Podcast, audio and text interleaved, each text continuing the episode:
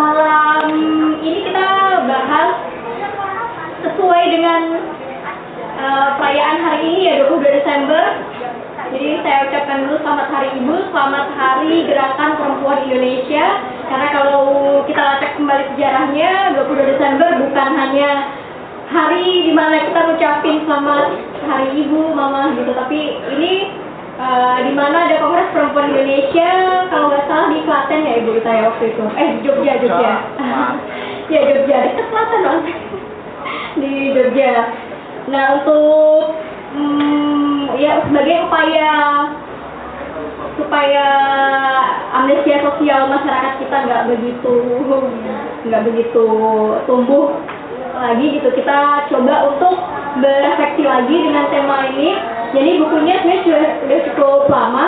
Nanti bakal dibahas oleh Bu Ita Fatia Nadia. Beri tepuk tangannya untuk beliau.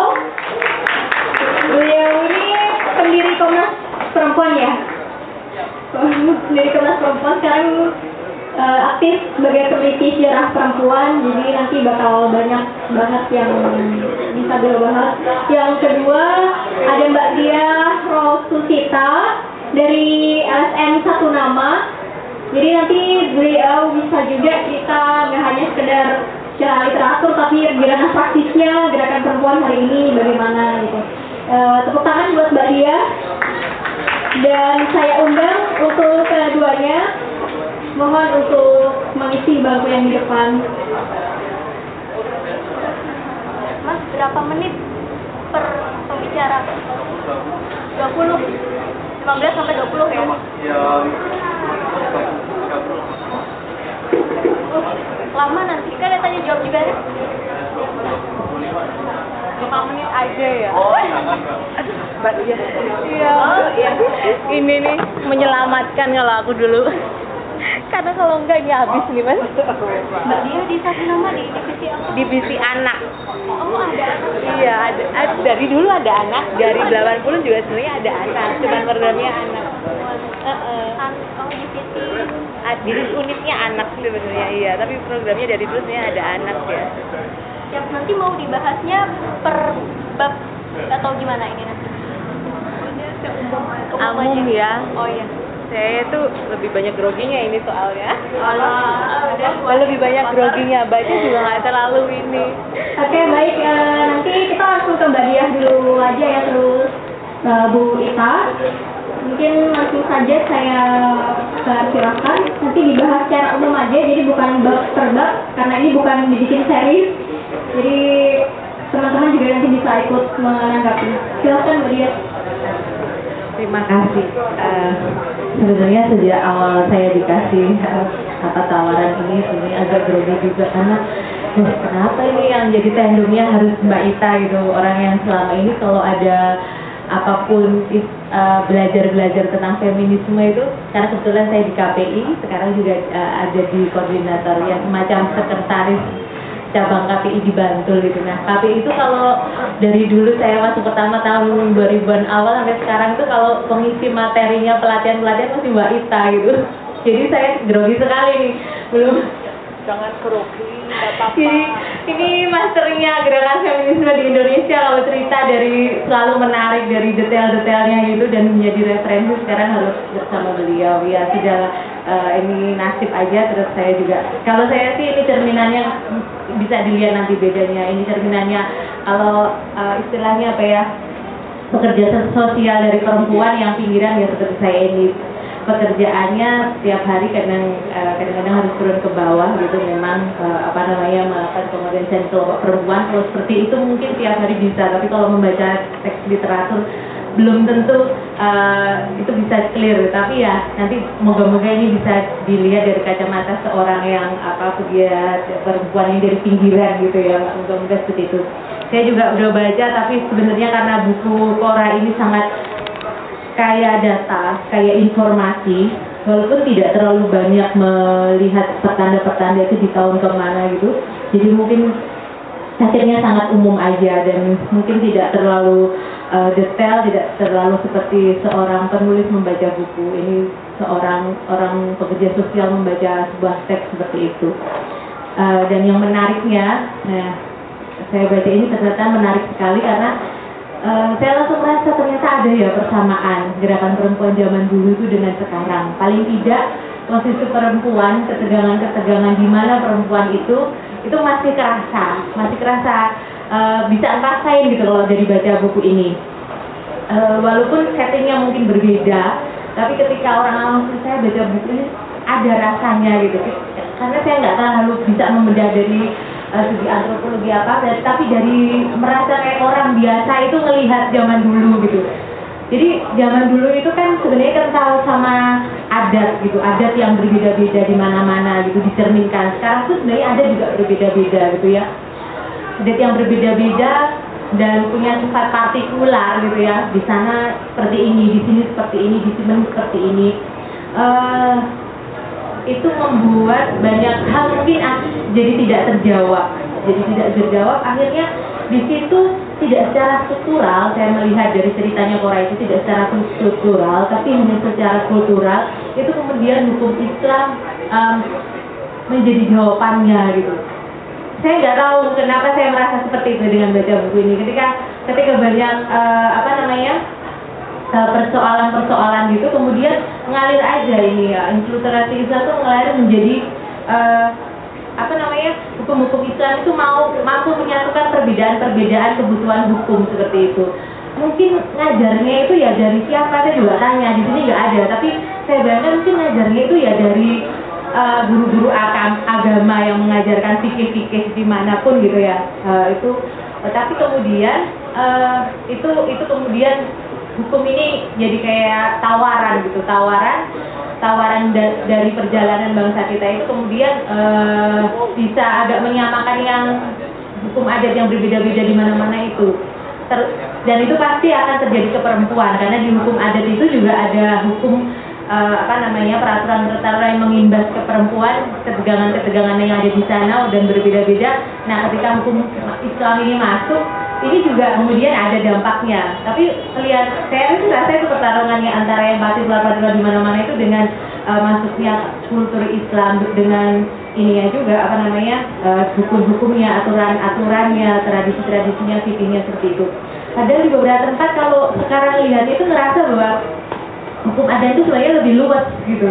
Lebih luas. Ada aja cara untuk eh, melarikan diri gitu. Ada ada aja tuh solusinya. Misalnya kalaupun nggak kawin terus kemudian nggak bisa karena kasta itu ada aja caranya. Ada ada solusinya gitu. Oh iya kawinnya itu nanti kayaknya dibuang sama keluarganya habis itu nggak diantar habis itu nanti dia eh, melakukan sendiri kayak anak yang terbuang tuh nanti juga diterima lagi. Seperti- itu kan kalau hukum adat kental. Selalu ada cara ini apa namanya eh, untuk eh, seperti itu. Dan itu sangat kental itu apa namanya istilahnya perempuan yang terikat di sana. Tapi ketika hukum Islam itu malah nggak nggak terlalu ada seperti itu. Jadi ya sama gitu kan sama gitu terus. Nah jadi kerasanya itu bahwa individu itu masih kelihatan agak bebas gitu.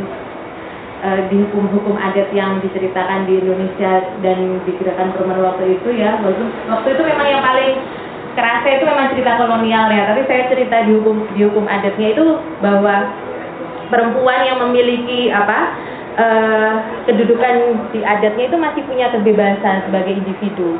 Masih punya apa namanya eh, karena dilihat kewajiban itu kadang-kadang tidak dirasa sebagai hak gitu ya. Eh, sebagai kewajiban itu tidak dirasa sebagai beban. Hak hak pun itu eh, lebih ini gitu ya lebih baik. Terus kemudian yang itu kan akhirnya masuk kulturasi itu akhirnya eh, apa banyak kemudian yang menimpa perempuan saat itu kalau kita bicarakan tuh banyak hak eh, di, di titik ini. Perannya perannya sebagai perempuan istri yang saya dipoligami kemudian masalah pendidikan. Itu kerasa. Kalau di adat mungkin masalah itu masing-masing ya terserah masing-masing. Tapi kemudian waktu di Islam itu perempuan eh, tidak mempunyai kedudukan yang bagus dan itu jelas karena kolonial waktu itu menggambarkan satu kedudukan seperti itu kecuali apa dia sangat ningrat gitu kan. Perempuan yang nggak punya kedudukan yang bagus yang kemudian tidak eh, punyai kesempatan-kesempatan akhirnya kan nggak bisa sekolah kemudian akhirnya harus kawin muda dan harus dipoligami gitu. Itu kentara sekali. Dan itu hukum Islam bisa enak gitu ngaturnya itu gitu kan. Eh, nggak kalau ketika itu bisa sangat bisa terjadi gitu dengan dengan adanya misalnya mulai diterima gitu, mulai diterima di kehidupan se- sehari-hari itu seperti itu. Yang saya rasakan dari baca apa namanya banyak cerita sejarah gitu. Terus setelah itu kemudian tantangannya ini jadi dengan kultur eh, itu kolonial kemudian ada eh, culture stel- stelsel juga ya.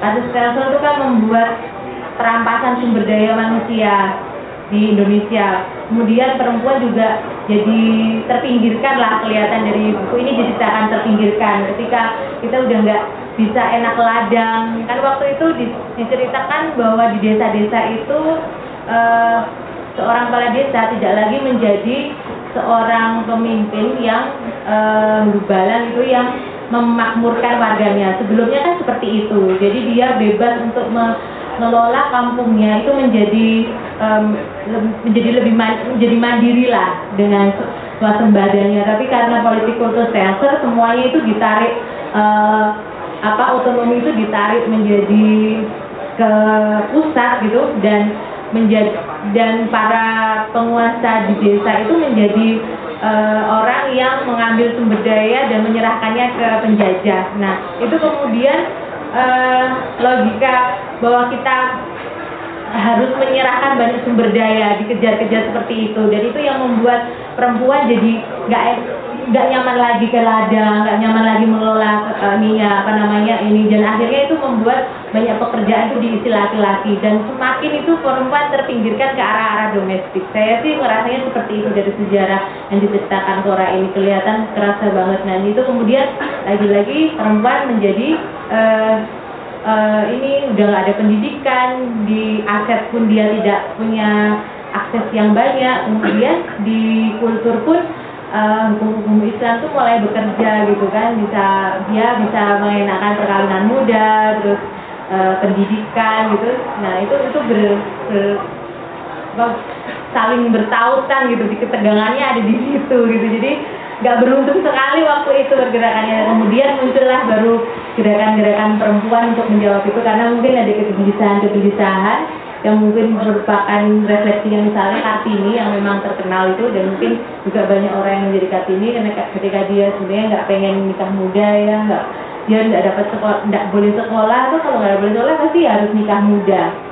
Nikah muda nanti juga akhirnya dipoligami dan pekerjaan yang menunggu adalah pekerjaan di seperti itu antara sumur kasur apa namanya sumur kasur sama dapur seperti itu. Nah nah akhirnya karena kegelisahan kegelisahannya itu barulah muncul orang-orang yang eh, ingin ke pendidikan gitu. Kalau kita masuk ke pendidikan berarti kan kita bisa menunda umur perkawinan. Paling enggak nggak nikah muda gitu. Paling enggak nggak dipoligami seperti itu. Akhirnya refleksi refleksi itu mulai bermunculan.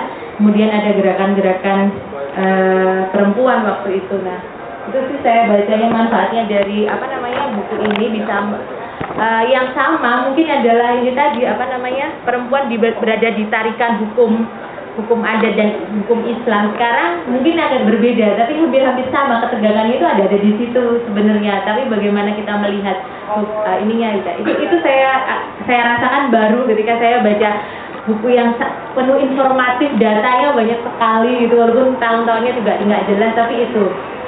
Jadi ketika ingin merasakan bagaimana perempuan ada di tarikan hukum adat dan Islam itu buku ini me- me- meng- apa namanya menjawabnya gitu. Eh, kemudian diceritakan juga tentang bagaimana eh, gerakan-gerakan itu mulai muncul eh, setelah adanya kultur teater itu eh, gerakan pertama yang perempuan Mahardika itu sebenarnya memang muncul ketika ada eh, mulai ada gerakan kebangsaan dan secara ini memang didorong atau didorong disupport oleh gerakan eh, organisasi kepemudaan waktu saat itu Budi, Budi Utomo. Dan memang waktu itu Budi Utomo eh, membackup gitu munculnya gerakan perempuan eh, Mahardika gitu ya. Nah seperti itu.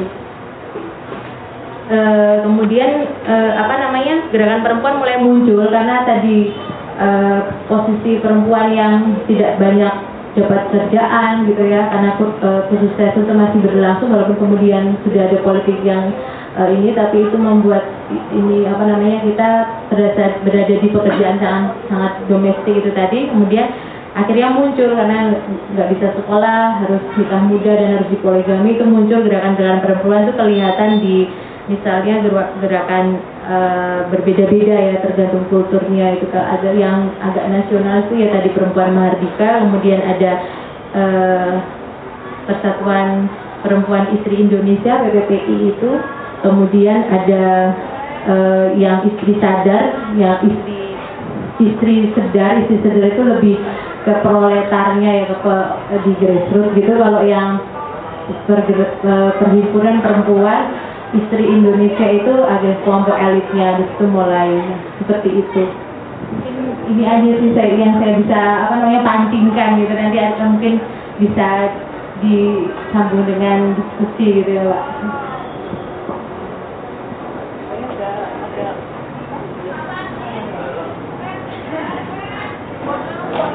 Oh iya.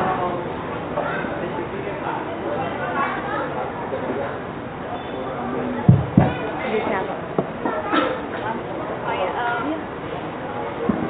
Eh, terima kasih Mbak Dia. Tadi tematiknya sini sudah cukup gitu. Eh, Mbak Dia nyinggung soal bagaimana hukum Islam dan adat itu mempengaruhi gerakan corak gerakan perempuan pada abad 20. Makanya muncul Kartini waktu itu yang lebih ceratnya ke kekerasan dan yang kedua eh, setelah itu itu ke abad kemerdekaan makanya coraknya lebih ke bagaimana mem- melawan kolonialisme, kemudian upah yang senjang juga waktu itu eh, ada Gerwani, kemudian Putri Wardika, disuruh oleh Aisyah akhirnya. Nah mungkin nanti Bu Ita bisa ekspor lebih jauh lagi eh, corak gerakan perempuan di abad-abad sekitar ya itu eh, ab- 20 dan setelahnya. Dan mungkin bisa refleksi untuk hari ini karena ini temanya dan pencapaian ya apa yang bisa kita contoh dan teladan di Wisma. Mau Ibu Eh, selamat malam, selamat datang meskipun apa macet dan udah mendung. Saya mengucapkan terima kasih kepada SMI, kepada teman-teman semua yang sudah hadir. Eh, saya sebetulnya sebagai seorang pengamat sejarah dan saya belajar sejarah dan eh, saya ingin me- melihat dulu bagaimana buku dari Cora Verdestus ini. Ini buku seorang dia seorang antropolog dan seorang sejarawan. Dan dia sebetulnya Cora ini ini adalah pegawai dari Kementerian Pendidikan Hindia Belanda di Batavia, eh, di, di, di, di Kedutaan Besar Belanda di Indonesia. Tapi sebagai seorang antropolog dan seorang feminis dan juga seorang sejarawan, dia kemudian melakukan penelitian tentang gerakan sejarah gerakan perempuan Indonesia. Nah, buku dari Cora ini menarik karena buku ini ini hasil dari pengamatan seorang feminis, seorang historian menggunakan metode feminisme, menggunakan pendekatan tentang pengalaman perempuan di dalam gerakan di dalam gerakan sejarah, dalam sejarah gerakan perempuan. Nah, dia mengambil periodisasi. Cora ini mengambil periodisasi antara periodisasi abad awal abad 20 dengan uh, sampai tahun 1950. Jadi periodisasi di dalam pen- penulisan sejarah perempuan itu periodisasi uh, awal abad 9 awal abad 20 itu 1900 kemudian berhenti di 1950 ini Cora. Tapi kemudian 1950 ke berikutnya itu diteruskan oleh Saskia Wiringa dengan penghancuran gerakan perempuan. Tetapi sebelum Cora, sebetulnya ada buku yang menarik sekali tentang sejarah atau tentang bagaimana perempuan-perempuan Indonesia, tapi perempuan Jawa di dalam konteks politik sebelum adanya bangsa. Buku ini ditulis oleh Peter Carey. Ini sudah pernah membaca? Ini adalah buku yang menarik sekali, tetapi belum ada sebuah perkumpulan, belum ada sebuah organisasi. Dia adalah para perempuan-perempuan yang menolak atau melawan dari dalam. Jadi kalau ada konstruksi namanya domestikasi, domestikasi bukan buruk, tetapi di dalam domestikasi terjadi perlawanan perempuan di balik tembok istana. Dan ini adalah bukti bagaimana sejarah para perempuan melawan feodalisme. Nah, ini adalah buku yang sebetulnya akan bersambungan dengan bukunya Cora dengan bukunya Cora. Jadi saya ingin melihat tentang periodisasi. Periodisasi adalah perkembangan masa dalam penulisan sejarah. Bagaimana kurun waktunya, karena kurun waktu tahun menentukan corak pola gerakannya. Ada seorang feminis perempuan bernama di, di Amerika bernama Bell Hooks yang mengatakan bahwa kita dalam melihat sejarah perempuan kita harus melihat yang namanya politik of location politik of location itu bagian kita tidak bisa menyamakan bagaimana sebuah gerakan di Indonesia dengan gerakan di Belanda pada zaman kolonial, kemudian membandingkannya dengan zaman setelah 65. Saya akan membuat periodisasi 50, 50, 65, 65 reformasi, reformasi sekarang. Ini ada satu kontinuitas sejarah yang bisa dikatakan discontinue dan continue. Nah bukunya Vera, bukunya Cora ini, ini membahas satu penelitian yang menarik sekali. Datanya sangat luas dan sangat disayangkan. Banyak sekali peneliti-peneliti sekarang, terutama yang belajar sejarah, tidak membahas buku Cora dengan sangat baik. Karena buku Cora menjelaskan dengan sangat detail bagaimana proses perkembangan pemikiran para perempuan Indonesia.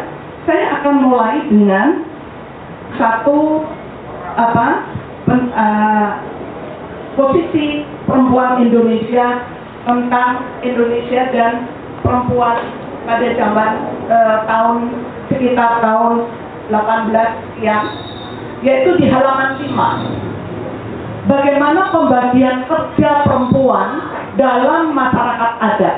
Karena masyarakat adat konstruksi masyarakat adat itu ada konstruksi masyarakat adat yang ada di daerah luar Jawa dan Jawa. Nah, konstruksi masyarakat adat dengan hukum adatnya ini menarik. Karena ketika masyarakat adat sebelum datangnya kolonial, perempuan itu mempunyai otonomi, mempunyai kemandirian. Karena dia misalnya perempuan di Jawa, perempuan di mana di Sumatera bahkan perempuan di uh, wilayah Indonesia Timur punya kemandirian misalnya di Lombok. Perempuan mempunyai kemandirian di dalam menata politik pangan. Itu sebelum kolonial datang sebelum Islam datang ya. Di Aceh ada yang namanya Ratu Safiatuddin ada empat ratu perempuan yang sampai sekarang hukum adatnya masih berlaku, yaitu hukum adat namanya panulang. Bagaimana perempuan, yang orang Aceh, mempunyai hak atas tanah ketika dia tidak menikah. Nah hukum adat ini kemudian berubah ketika kolonial datang, ketika Islam datang. Putri Safiatuddin dengan tiga adiknya yang perempuan yang juga menjadi raja digulingkan oleh datangnya para pedagang Islam yang mengatakan bahwa perempuan tidak boleh lagi menjadi seorang pemimpin. Padahal di Aceh itu biasa. Dan kita akan melihat nanti di dalam buku Kora, buku Kora bagaimana perempuan itu menjadi bagian dari gerakan-gerakan untuk perubahan. Ya, misalnya saja di Minang. Di Minang ada tokoh perempuan Putri Bundo Kanduang Putra Budi Panduang ini mendirikan pendidikan tradisional untuk perempuan, yaitu Rancak di Labuan. Nanti pemikiran-pemikiran Minang ini akan menjadi dasar dari falsafah emansipasi perempuan yang kemudian itu akan di diteruskan oleh Rohana Kudus, apa kemudian Rahmah Elmiah, tetapi bagaimana sekarang perempuan-perempuan selain di Minang, misalnya di Ambon, di Ambon ada ada perempuan yang juga menjadi bagian dari gerakan-gerakan untuk emansipasi. Yang menarik adalah di Kalimantan. Di Kalimantan ada ada namanya Adi Siti.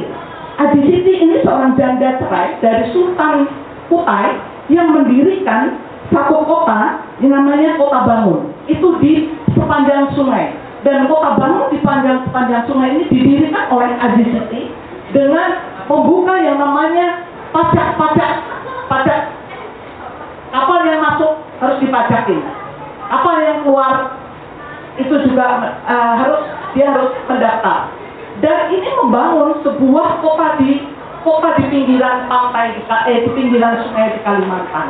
Kalimantan itu terdiri uh, masyarakat di sana adalah dengan sungai. Dan siapa yang membangun itu? Itu adalah perempuan. Namanya Adi Siti itu sekitar abad 19 ya. Terus mengatakan bahwa bagaimana perempuan-perempuan ini ini sudah mencatatkan tentang bagaimana sebuah kota kalau Siti sorry ini membuat kota itu Kalimantan itu diintegratif, diintegrasikan sebagai satu kota yang akan satu sama lain akan terkoneksi. Kemudian masalah adat. Kalau tadi adat dikatakan bahwa adat sebelum kolonial itu sangat berbeda ada membolehkan perempuan menjadi bagian dari merumuskan duduk bersama dengan laki-laki, mengaktualisasikan diri perempuan, kedudukan secara ekonomi juga sama, melindungi perempuan dengan harta panulang tadi seperti di Aceh, di Ambon ada, di di Kalimantan ada, tapi kemudian nanti kedatangan Islam dan kolonial mengubah semuanya, mengubah posisi perempuan menjadi nomor dua. Jadi agama Islam mengubah seluruh kedudukan perempuan menjadi nomor dua. Nanti ada perubahan yang menarik dari proses, ada situs yang menarik dari proses sejarah perempuan. Ya. Di Jawa, seorang guru penilik pendidikan yang bernama Dwi Sewoyo membagi empat kelas di dalam masyarakat Jawa. Jadi pada saat itu kelas itu juga sudah mulai dipikirkan tentang kelas kelas oleh Dwijo Dewoyo, seorang guru di Jogja, membagi empat tentang golongan miskin, golongan menengah, golongan santri, dan golongan priayi. Golongan miskin dan golongan menengah itu perempuannya tidak terdidik, tetapi dia mandiri secara ekonomi dan mandiri secara otonomi tubuhnya. Sehingga pada zaman pada kelompok miskin dan kelompok menengah terjadi pernikahan apa secara seksualitas juga itu sangat sangat apa sangat bebas ya tetapi yang menarik di sini pada golongan miskin dan golongan itu abad 19 pada golongan miskin dan golongan menengah Luigi Sewoyo itu abad 19 mengatakan bahwa perempuan meskipun bebas secara seksual tetapi dia tetap di dalam kerangka perkawinan dini jadi itu men 12, 15 dia sudah harus kawin. Kemudian golongan santri. Golongan santri muncul, dia rumuskan ketika Muhammadiyah tumbuh. Itu 1912 dan syariat Islam. Perbedaan antara Muhammadiyah dengan syariat Islam, Muhammadiyah kemudian mendirikan kelompok perempuannya bernama Aisyah.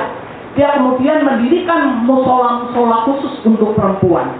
Nah, pendirian Muhammadiyah sebagai satu fenomena sejarah, yaitu didirikannya Aisyah, itu memberikan satu peluang kepada kelompok santri, golongan santri yang kemudian pada abad 19 muncul sebagai santri baru, dia dipingin, tapi kemudian dengan Muhammadiyah, perempuan bisa keluar. Dan dia membentuk berkelompok, membentuk pengajian-pengajian, Kemudian oleh sebab itu Kiai Ahmad Dahlan mendirikan musola-musola.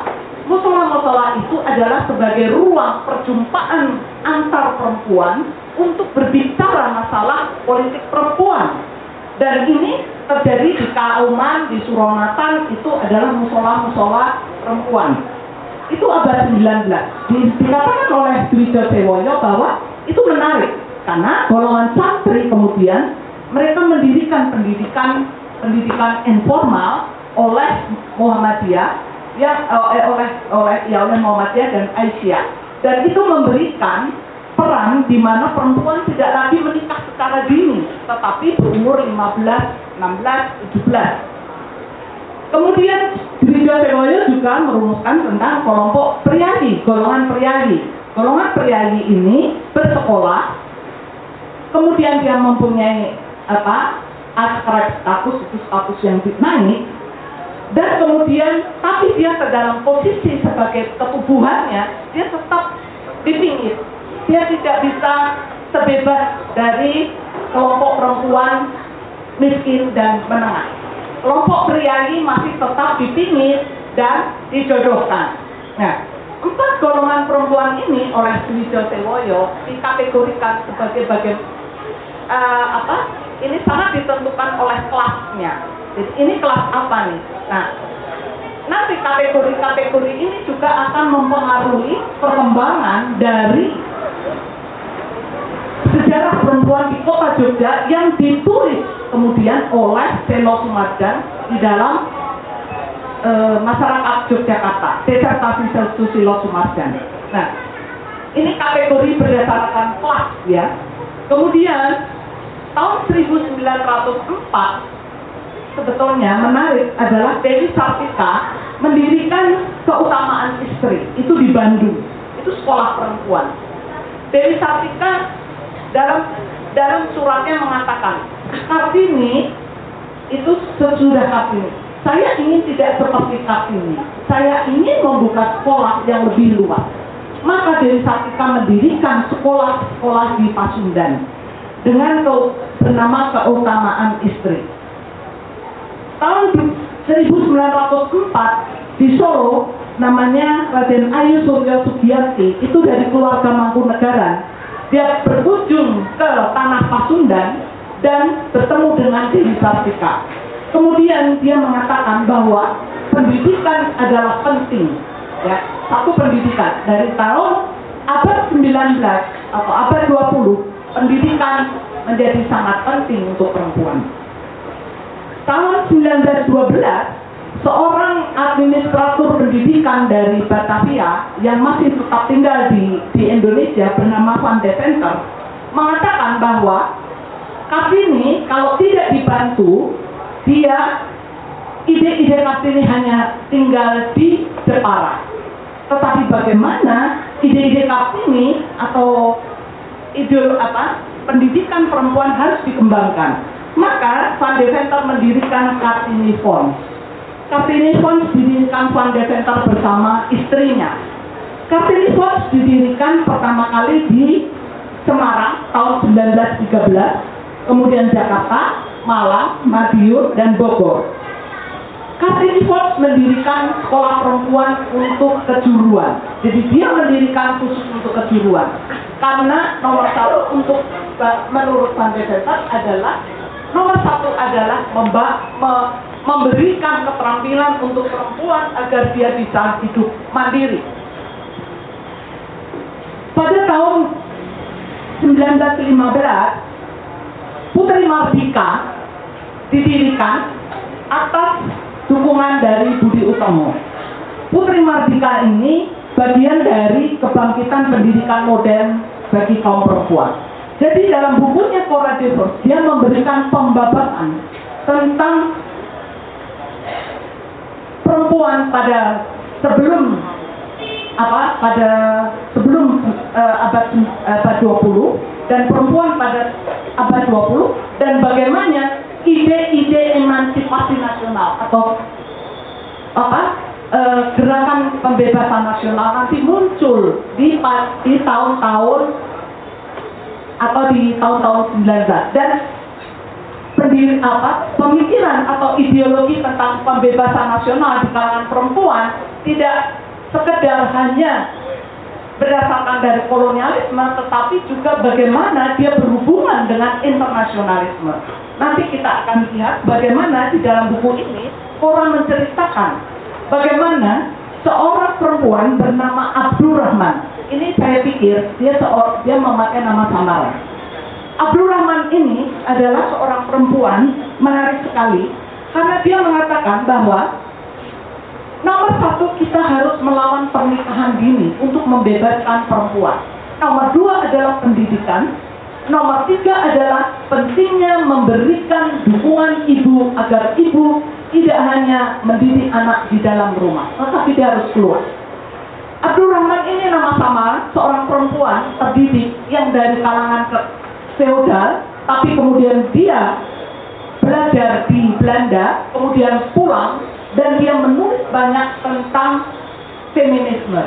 Tetapi feminisme bukan feminis kemudian dia berbicara bahwa liberal atau apa tidak, tetapi feminisme yang dia berangkat dari apa pemahaman dia, pendekatan dia tentang problem perempuan ketika itu. Problem per- perempuan ketika itu adalah buta huruf, politik poligami, dan dipaksa kawin dini. Umur 12, 13 sudah kawin. Maka Abdul Rahman mengatakan bahwa kita, ber- ki- dalam tulisan pendeknya mengatakan bahwa saya akan bekerja untuk melawan poligami, melawan pernikahan dini, dan memberikan pendidikan kepada perempuan. Itu Abdul Rahman. Dan dia menulis, menulis terus. Kemudian Abdul Rahman nanti akan berhubungan dengan yang namanya Siti Sundari. Siti Sundari ini seorang tokoh feminis perempuan yang sangat berpengaruh, tetapi tidak pernah dibicarakan oleh generasi sekarang. Seorang seorang feminis yang dia mem, apa, menginisiatifi tentang pendidikan. Kemudian tahun 13, 1913 muncul majalah independen. Majalah pende- independen ini bernama Wanita Sworo. Tadi saya mengatakan Siti Sundari. Siti Sundari melakukan yang namanya korespondensi dengan eh, Abdul Rahman. Dan korespondensi mereka itu dituangkan di dalam majalah independen bernama Wanita Sworo.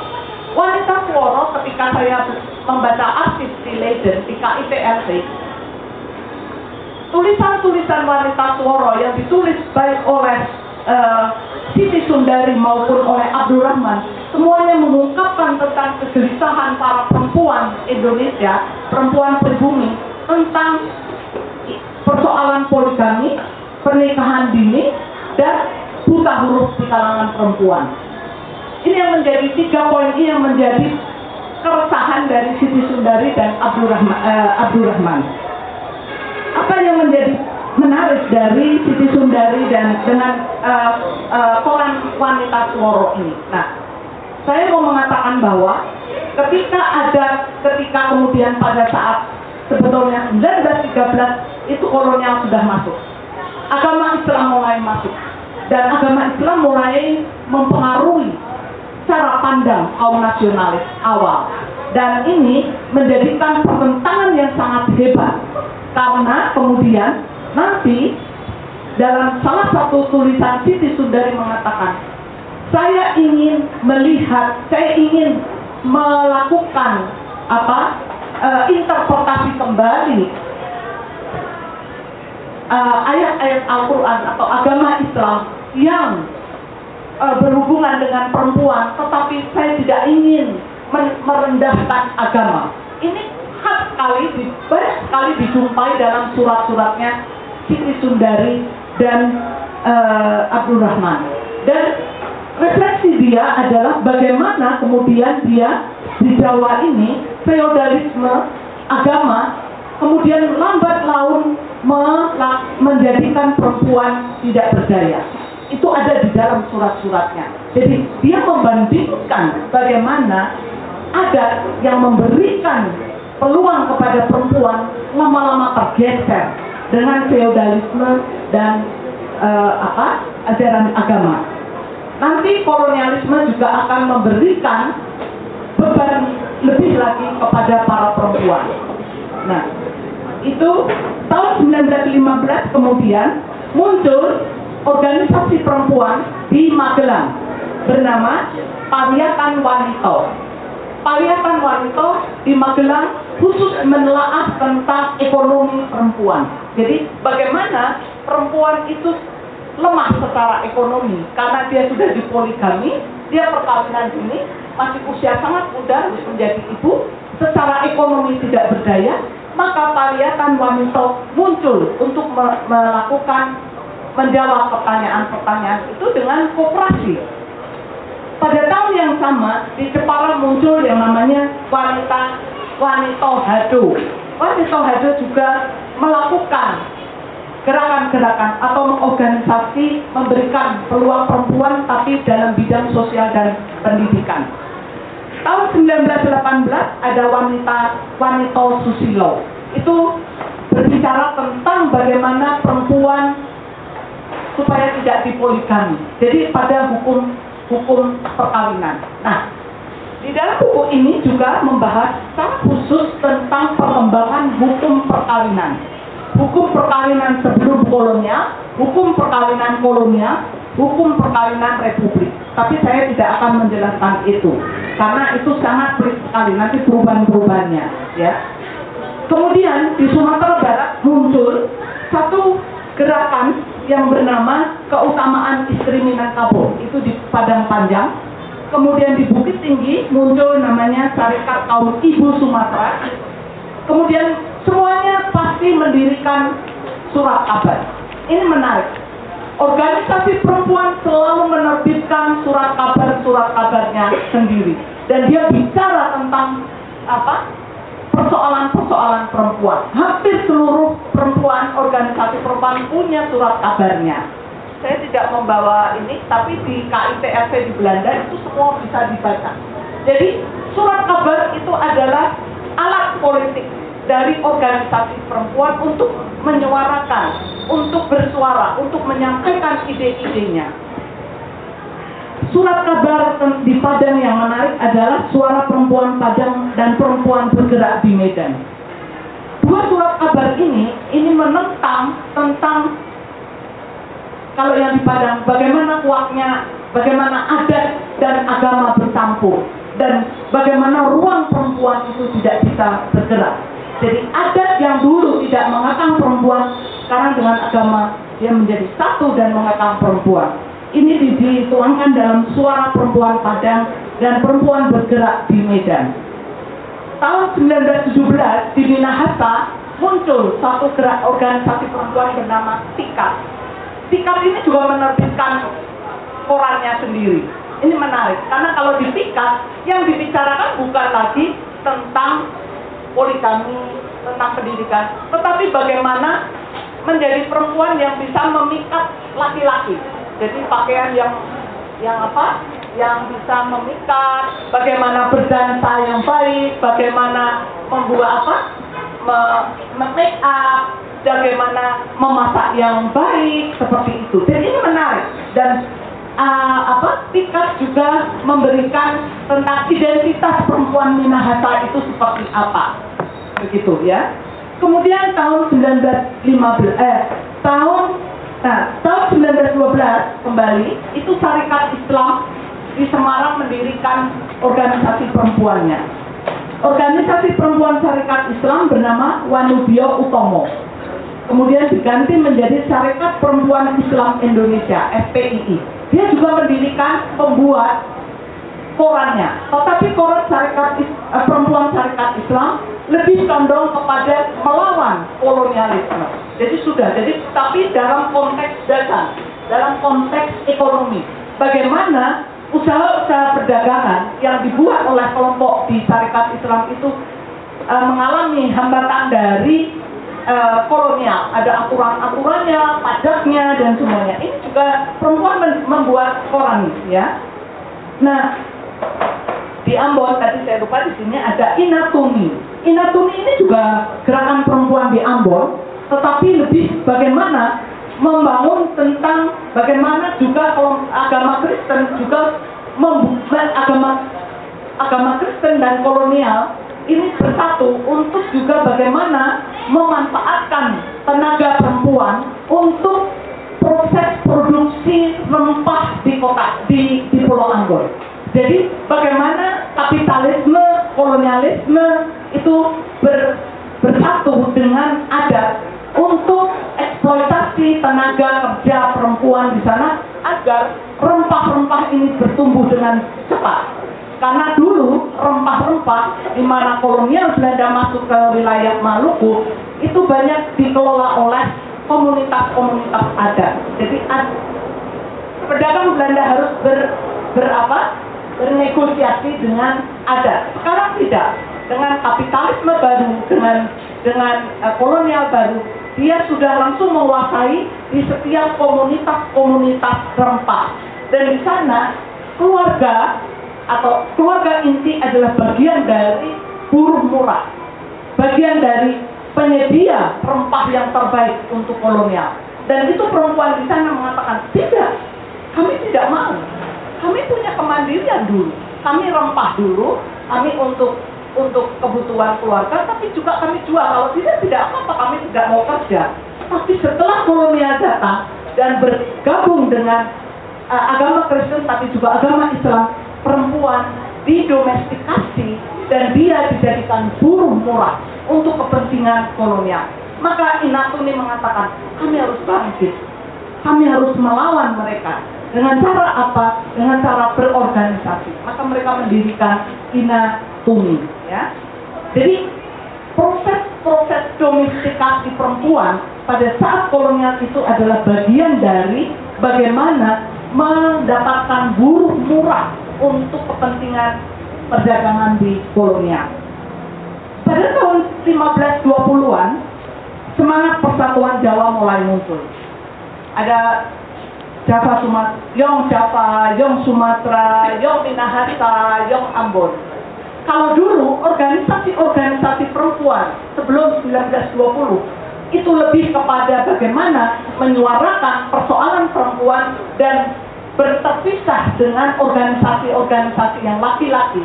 Tetapi 1920 muncul semangat-semangat persatuan dan mereka mulai dengan mengatakan bahwa kalau begitu kita harus bersama-sama dengan gerakan perempuan. Maka pada tahun 1920 terjadilah yang namanya organisasi Indonesia Muda. Organisasi Indonesia Muda ini ini campuran dari organisasi-organisasi perempuan dan organisasi-organisasi laki-laki yang Java, yang Sumatera. Beberapa tokoh misalnya, yaitu misalnya Francisca Panggide. Francisca Panggide ini seorang perempuan aktivis politik yang disuruh Soekarno keliling dunia mengabarkan tentang kemerdekaan Indonesia. Itu seorang perempuan ya, dengan ini Soekarno mengatakan dia orang rote. Francisca kamu pergi. Kamu bicara kepada dunia bahwa Indonesia merdeka tahun 1945. Dia bicara pada konferensi dunia di uh, uh, India, di Calcutta. Dan dia bicara pada Castro, dia bicara kepada tokoh-tokoh dunia. Ya. Francisca Bangide ini bagian dari kelompok apa Indonesia Muda. Dia ada di Surabaya. Kemudian dia bergabung dulu di Yogyakarta dan mendiri apa melakukan konferensi pemuda di Yogyakarta. Itu tahun 1928 sebelum Kongres Perempuan. Itu ada konferensi pemuda di Yogyakarta. Itu pemuda-pemuda pemuda-pemudi waktu itu namanya pemuda dari kelompok-kelompok yang ingin melakukan apa e, gerakan tentang pembebasan nasional. Dan kelompok-kelompok ini nanti kemudian beralih kepada kelompok gerakan-gerakan ma masuk kepada gerakan progresif kiri ya. Itu nanti pada 1948 dia masuk ke bergabung dengan gerakannya Amir Sarifuddin, Tan Malaka banyak perempuan. Kemudian ada perempuan bernama Tiati itu tokoh buruh luar biasa. Francisca dan Tiati itu menjadi eksil karena dituduh terlibat di, di PKI mereka meninggal di Eropa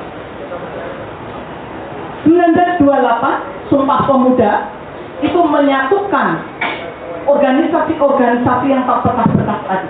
Tadi saya katakan dari 1903, 1915, 1920 itu organisasi perempuan sendiri. Dan mereka tidak mau menerima oh, anggota laki-laki. Anggota laki-laki punya sendiri, Tarekat Islam Muhammadiyah. Di Jogja, sorry saya tambahkan, bukan hanya Aisyah, ada Fatimiyah. Aisyah ke pendidikan, Fatimiyah untuk mendirikan langgar-langgar perempuan itu di Jogja. Tapi kemudian Fatimiyah bersatu kembali atau melebur menjadi Aisyah. Ini hanya untuk ini ya. Nah kemudian pada tahun 1928 Sumpah Pemuda itu mengubah pandangan kaum pergerakan. Perempuan laki-laki mengatakan kami harus bersatu melawan kolonial.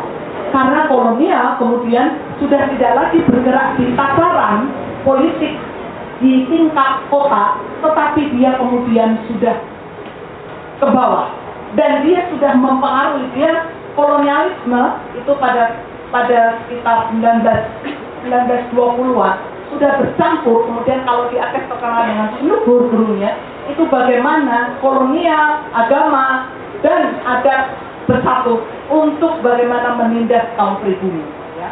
Jadi dia dia apa ada satu proses di mana pada pada tahun 1920-an sekian ditulis oleh Adi Negoro seorang wartawan yang menuliskan bahwa Feminisme Indonesia lahir pada zaman Indonesia merumuskan kebangsaan. Ini menarik. 1928 bersatunya para kaum muda, laki dan perempuan merumuskan kebangsaan. Apa itu bangsa? 1928 itu tidak hanya sekedar sumpah pemuda tetapi merumuskan apa itu bangsa. Dan bangsa ini tidak hanya dilihat dari perspektif laki-laki, tetapi juga bagaimana perempuan menjadi bagian dari perumusan kebangsaan itu. Pada saat itu muncullah kemudian yang namanya sebelumnya sebetulnya 1928 juga dipengaruhi oleh tokoh-tokoh seperti Suwardi Suryonelat yaitu Ki Hajar Dewantoro. Ki Hajar Dewantoro mendirikan Taman Siswa. Taman Siswa mendirikan sekolah perempuan. Itu ada di Wiroguna depan penjara masuk ke dalam itu ada dulu sekolah perempuan khusus perempuan ya ada asramanya sekolah perempuan taman siswa mengajarkan tentang baca tulis dan handicraft dan membuat membatik apa kerajinan kerajinan karena untuk dia menurut dia kerajinan tangan itu bagian dari keperempuanan. Jadi ini ini adalah identifikasi gender dari tahun 1920-an jadi uh, gender itu juga sangat sangat tidak statis tapi sangat fluid, sangat kontekstual. Pada saat itu Ki Hajar mengatakan pada 1922 perempuan dan laki-laki harus sekolah, perempuan harus harus juga bisa baca tulis, maka Ki Hajar mendirikan sekolah perempuan dan ada asramanya. Saya lupa nanti tapi itu ada. Kemudian eh, tadi Adi Negoro menulis 19 1920 25 mengatakan bahwa feminisme Indonesia sedang merumuskan kebangsaan bersama dengan para laki-laki. Dan itu sudah ditulis feminisme. 1926 seorang dokter dari Sofia bernama Basir Johan orang orang Minang mengatakan bahwa kebangsaan Indonesia tidak bisa muncul tanpa mengikut sertakan gerakan perempuan. Oleh sebab itu, Badir Johan mengatakan bahwa Rahmah El Yunusia dari Sumatera Barat yang mempunyai sekolah uh, khusus putri dan kemudian mempunyai apa pesantren bernama Ins Kayu Tanam mengatakan bahwa Rahmah El Yunusia melakukan konsultasi-konsultasi dengan caranya sendiri dengan di pesantrennya tentang apa itu kebangsaan. Yang diajarkan di dalam kayu tanam di Sumatera Barat tidak hanya soal agama, tidak, tetapi pendidikan, pengetahuan umum, kebangsaan, dan internasionalisme. Oleh sebab itu, Bader Johan dan Adi Negoro menuliskan tentang perempuan menjadi bagian dari merumuskan kebangsaan. Ini juga bersamaan dengan munculnya kayu tanam di Sumatera Barat, muncul juga pesantren Tebu Ireng. Wahid Hashim di Jawa Timur itu juga mengajarkan tentang tidak saja tentang filsafat Islam, syariah, semuanya, tetapi juga tentang bagaimana keindonesiaan. Kemudian di Tasikmalaya juga muncul pesantren khusus juga untuk perempuan. periode kolonial atau pergerakan perempuan di masa kolonial itu dimulai pada tahun 1928 Kongres Perempuan Satu di Jogja. Kongres Perempuan Satu di Jogja itu dicetuskan oleh Nyonya Sukonto, anggota Komite Wanita Utomo.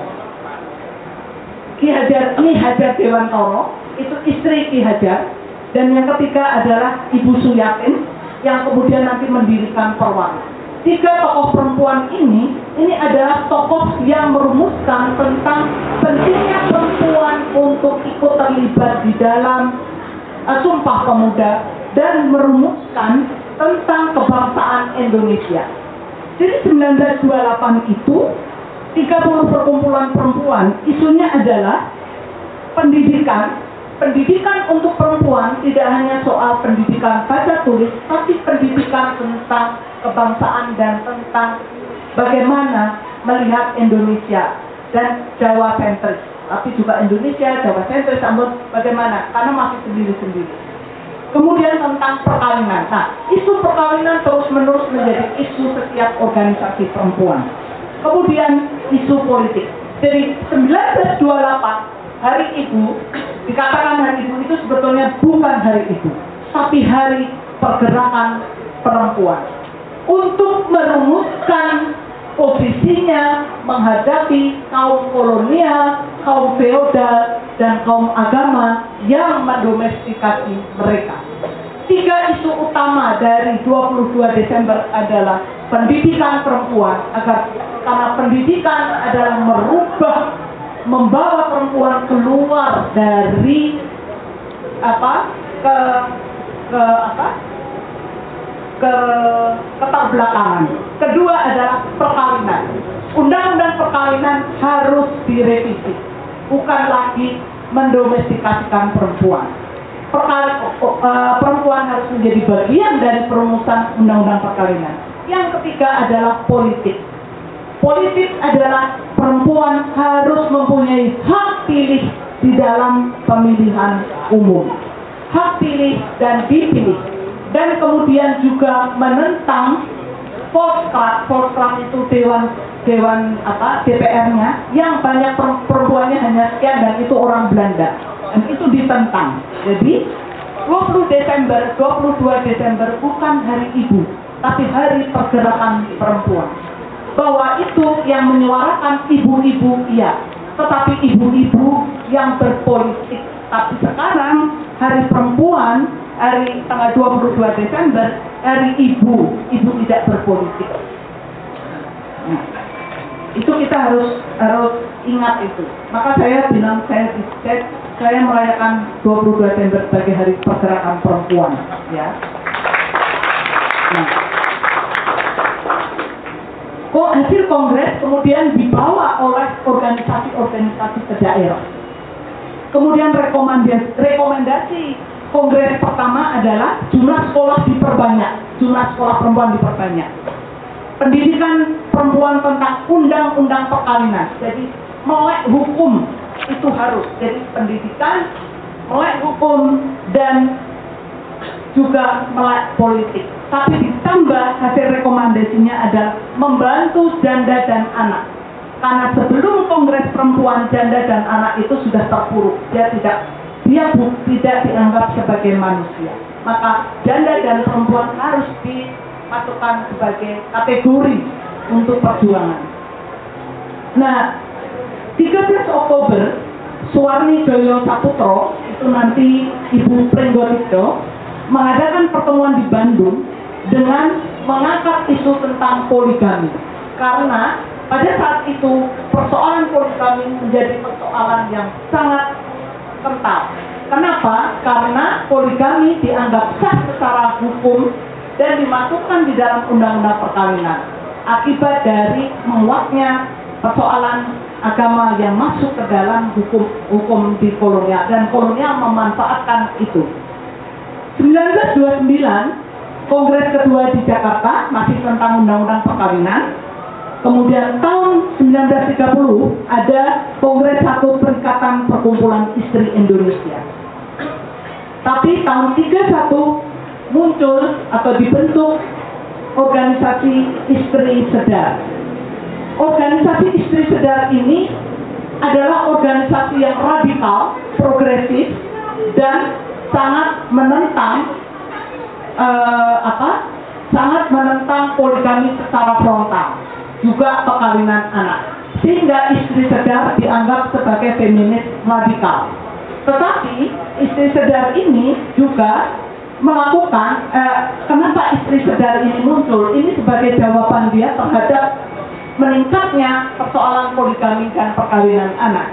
Dan istri sedar didirikan setelah ketuanya itu pulang dari Kongres Perempuan Internasional di Lahore, Pakistan. Jadi di Lahore, Pakistan itu ada Kongres Internasional Perempuan seluruh dunia dan merumuskan tentang persoalan-persoalan perempuan di Asia itu seperti apa. Dan di sana disebutkan bahwa perempuan, perempuan di Asia anak poligami, kemudian ada bonded labor dan macam-macam. Itu ada 12 kalau di dalam draft ya. Kemudian eh, syarikat istri se- apa istri sedar kemudian mana apa ada nah istri sedar ditentang oleh kelompok perempuan Islam yang tergabung di dalam syarikat istri Jakarta. Itu dari kelompok muslim yang menentang istri sedar dan pro poligami dan perkawinan dini. Ya jadi ini terjadi dalam dalam koran-koran di, di, di Jakarta saat itu istri sedar ditentang secara luar biasa. Beberapa organisasi perempuan kemudian terjadi konflik berat maka pada tahun 32 Maria Ulfa Subadio mendirikan organisasi perempuan bernama Istri Indonesia. Dia mengambil jalan tengah untuk supaya pertentangan antara istri sedar dengan organisasi perempuan muslim tidak begitu yang pro poligami tidak kuat.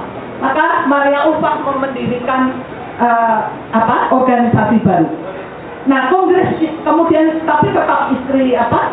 Istri sedar dari Maria Ulfa tetap berjalan terus dan kemudian tahun 32 dia eh, melakukan kongres. Kongres di, di hasil kongres adalah partisipasi politik perempuan. Kemudian dirumuskannya perempuan miskin yang menjadi fokus kemudian mendukung pendidikan nasional berdasarkan kelas. Nah, ini menarik. Kelas perempuan market dan partisipasi politik perempuan. Sepertinya Maria Ulfa menjembatani dua kutub antara yang radikal dan yang muslim, tapi sebetulnya dia secara diam-diam memberikan pendidikan tentang kesadaran politik, kesadaran tentang apa eh, kelas dan pendidikan ini ditularkan ke daerah-daerah. Nah, Maria Ulfa kemudian bersama dengan suami Pringgotikdo kemudian me- melakukan gerakan yang bernama emansipasi perempuan. Nah, saya akan karena ini menarik ya kalau tidak banyak sekarang tidak apa tidak dipikirkan kembali siapa suami Pringgotikdo, siapa suami Joyo Puspito, siapa Maria Ulfa, semuanya tidak tahu ya. Nah, yang menarik pada pada apa? Pada kongres pada kongres perempuan yang eh, di di di eh, di tahun 41 di kongres ke-44 itu adalah tentang gabungan politik Indonesia, pendidikan gabungan politik Indonesia. Merumuskan, bayangkan, gerakan perempuan merumuskan tentara Indonesia. Itu perempuan loh ya hak perempuan Indonesia untuk memilih dan dipilih. Bahasa Indonesia diajarkan di sekolah. Buruh, kesetaraan buruh laki dan perempuan. Ada lima rekomendasi yang ditelurkan di Kongres ke ke bulan Juli ke tahun 44 dan ini sesuatu yang menurut saya gerakan perempuan sekarang maaf ya Mbak Yo saya mengatakan bahwa gerakan perempuan Indonesia mundur ke belakang gerakan perempuan ini justru sudah memikirkan tentang bagaimana konteks politik saat itu. Kita sekarang gerakan perempuan ada di mana? Tidak pernah kita bicara tentang politik of location dari problem perempuan Indonesia atau problem kemanusiaan Indonesia. Tidak pernah. gerakan perempuan kota ngomongin feminisme apa? Muluk-muluk tetapi bagaimana problem penindasan sekarang? Tidak pernah. Tidak pernah. Tidak pernah dirumuskan secara jelas apa itu politik gerakan perempuan sekarang. Pada saat itu gerakan perempuan sudah merumuskan itu kemudian pergerakan perempuan Indonesia 4245 itu peluang gerakan perempuan dibatasi. Nah, ini menarik. Ketika Jepang masuk 45, Soekarno berpidato di dalam Kongres Perempuan tentang gerakan emansipasi perempuan. Tetapi 45 4 4 4245 Jepang masuk gerakan perempuan di masukkan kembali untuk tidak bisa bergerak secara bebas. Dia mendirikan Fujinkai. Tetapi itu ditolak oleh Perwani, Persatuan Wanita Indonesia, cabang Yogyakarta, Ibu Dede Susanto. Ibu Dede Susanto ini seorang progresif perempuan yang keliling ke desa-desa untuk memberikan penyadaran tentang kelas politik hak pilih dan Ibu Dede Susanto kemudian ditahan tahun 65 dan dibebaskan kemudian meninggal dunia. Dia orang Taman Siswo. Pada kongres eh, Perwani di Klaten tahun 45 Perwani melebur menjadi Perwari ya, Perwari Perwari itu dari Perwani kemudian Persatuan Wanita Republik Indonesia atau Perwari Kongres di Solo tahun 46 membentuk Badan Kongres Wanita Indonesia yang sekarang bernama Kowani dulu Kowani itu adalah apa? Payung dari organisasi-organisasi progresif ya. Itu dari tahun 46 Perwani Perwani melebur menjadi Badan Kongres Kowani kemudian tahun 46 Kowani di bawah kepemimpinan Kartowiyono Ibu Kartowiyono men- membuat deklarasi yaitu tentang Ko- Kowani sebagai payung organisasi perempuan dan menolak perjanjian Renville bayangin. Kowani yang pada zaman Orde Baru di bawah politik Orde Baru dan tunduk kepada politik Orde Baru, tetapi pada tahun 46 yang menolak perjanjian Renville yang menjadikan Indonesia menjadi negara federal terpecah-pecah dan Kowani membuat surat Ibu Kartowiyono itu membuat surat kepada Soekarno juga kepada Hatta dan kepada pemerintahan Belanda akibat perjanjian tahun 49 juga Perwari atau Ko- Kowani juga mengatakan menolak perjanjian meja bundar. Surat-surat itu ada semua. Dan itu perempuan yang menolak. Sekarang organisasi perempuan membuat apa? Kalau ada peristiwa-peristiwa politik. Saya seorang aktivis perempuan, saya kecewa. Tahun 98 kami gerak semua. Tapi reformasi menjadikan perempuan kehilangan pijakan di dalam merumuskan politiknya. Kemudian tahun 49 juga garis Kowani yaitu tentang kemerdekaan Indonesia yang absolut. Jadi menolak meja bundar, menolak apa eh, keputusan eh, intervensi Belanda, agresi Belanda tahun 49 yang menolak hak warga negara perempuan, perdamaian nasional dan internasional. Pada saat itu Kowani masuk ke dalam percaturan perdamaian internasional. Dia ikut di dalam PUTM, dia ikut dengan dalam gerakan eh, apa wanita sosialis di Jerman Timur. Dia menjadi bagian dari gerakan perempuan di Lahore di internasional. Kemudian tahun 55 Partai Wanita Rakyat Nyonya Mangun Saporo didirikan. Tahun 55 Mangun Sap- Ibu Mangun Saporo mengatakan bahwa saya akan mendirikan Partai Wanita Rakyat, tetapi akhirnya kalah. Karena kemudian muncul Gerwani pada tahun 54. Nah, Kora hanya membatasi kajiannya pada tahun 50-an. Tahun 50 sampai 65 itu ditulis kembali, dituliskan oleh Saskia Wiringa di dalam tiga buku yang monumental. Tetapi ada satu buku yang menarik yaitu Kuntilanak Berbau Wangi. Kuntilanak Berbau Wangi ini adalah men- menjelaskan bagaimana organisasi-organisasi perempuan yang independen, merdeka, dan punya apa? Punya suara yang sangat kuat di dalam politik, juga di dalam konstituan, eh, dalam DPR, juga di dalam fora internasional. Pada tahun 65 harus dirumahkan. Dan pada tahun 65 seluruh organisasi perempuan harus dibubarkan. Organisasi politik perempuan independen tidak boleh lagi. Ini ada di bukunya eh, apa Wiringa. Nanti organisasi-organisasi itu apa perwari menjadi buntung, kowani, kemudian gerwani.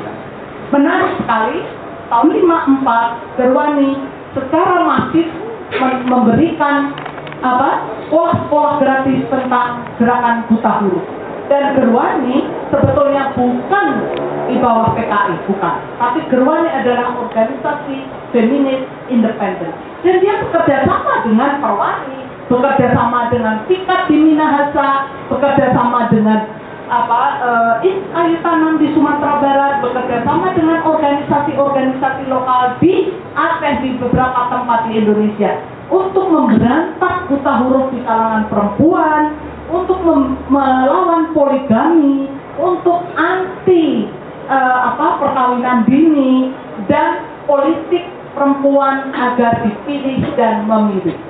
Itu. Tapi Gerwani kemudian dihabiskan ketika akan kongres. Betulnya tahun 65 bulan Oktober dia harus akan kongres. Gerwani pecah menjadi dua, yaitu Wancom dan Gerwani. Wancom wanita komunis memilih ikut PKI, tetapi Gerwani tidak. Gerwani tetap independen. Gerwani atau sebetulnya tidak hanya Gerwani, banyak organisasi-organisasi progresif yang menyuarakan tentang arah gerakan politik perempuan. Dan kalau kita melihat bahwa pada sebelum 45, mulainya sebe- se- 1930 sampai 45, gerakan-gerakan perempuan semua ideologinya adalah gerakan nasional liberation atau pembebasan nasional. Dan itu adalah gerakan itu nafas ideologinya. Pembebasan nasional. Bagaimana perempuan tidak hanya di dapur umum, tapi perempuan menjadi bagian dari apa gerakan-gerakan atau perundingan-perundingan internasional. Saya tidak bawa foto, tetapi banyak sekali foto-foto Francisca Pavide itu menjadi bagian dari gerakan Asia Afrika untuk merumuskan bagaimana melawan kaum kapitalis dan kolonial. Ya, Setiati Surasto itu menulis tentang undang-undang ILO yang sekarang melindungi buruh.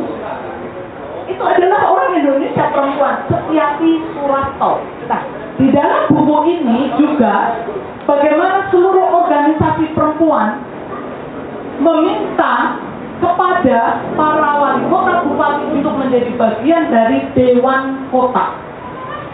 Sekarang tidak ada dewan kota, dulu ada dewan kota. Dewan kota itu adalah ruang demokrasi yang paling rendah di kota-kota, di mana kaum urban terdiri dari perempuan, laki-laki, juga LGBT, semuanya ikut duduk dan merumuskan kota akan ke mana. Itu Dewan Kota. Ada seorang perempuan menjadi ketua Dewan Kota Surabaya yang kemudian di- dia harus keluar Indonesia karena 65 itu Ibu Sukina. Dia belajar sendiri dan dia merumuskan Dewan Kota. Dan Dewan Kota yang sekarang di Surabaya itu, itu bagian dari dia yang merumuskan. Tapi tidak pernah namanya dicantumkan sebagai perumus Dewan Kota Surabaya. Dia perempuan, dia anggota istri sedang.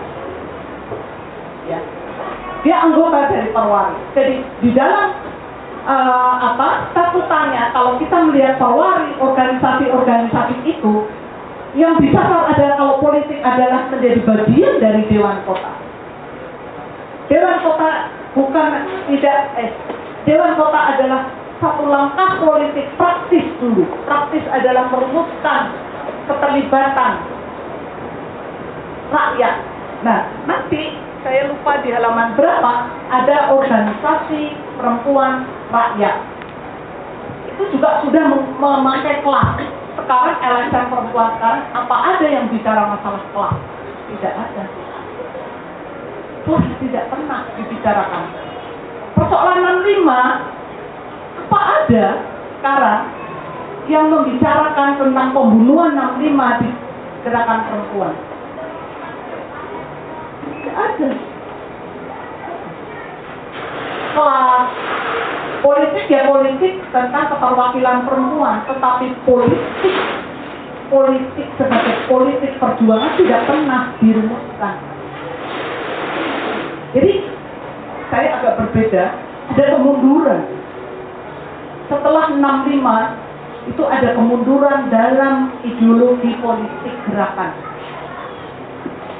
Setelah reformasi kita kehilangan momen untuk merumuskan kembali politik, the politic of location dari gerakan ini ke mana.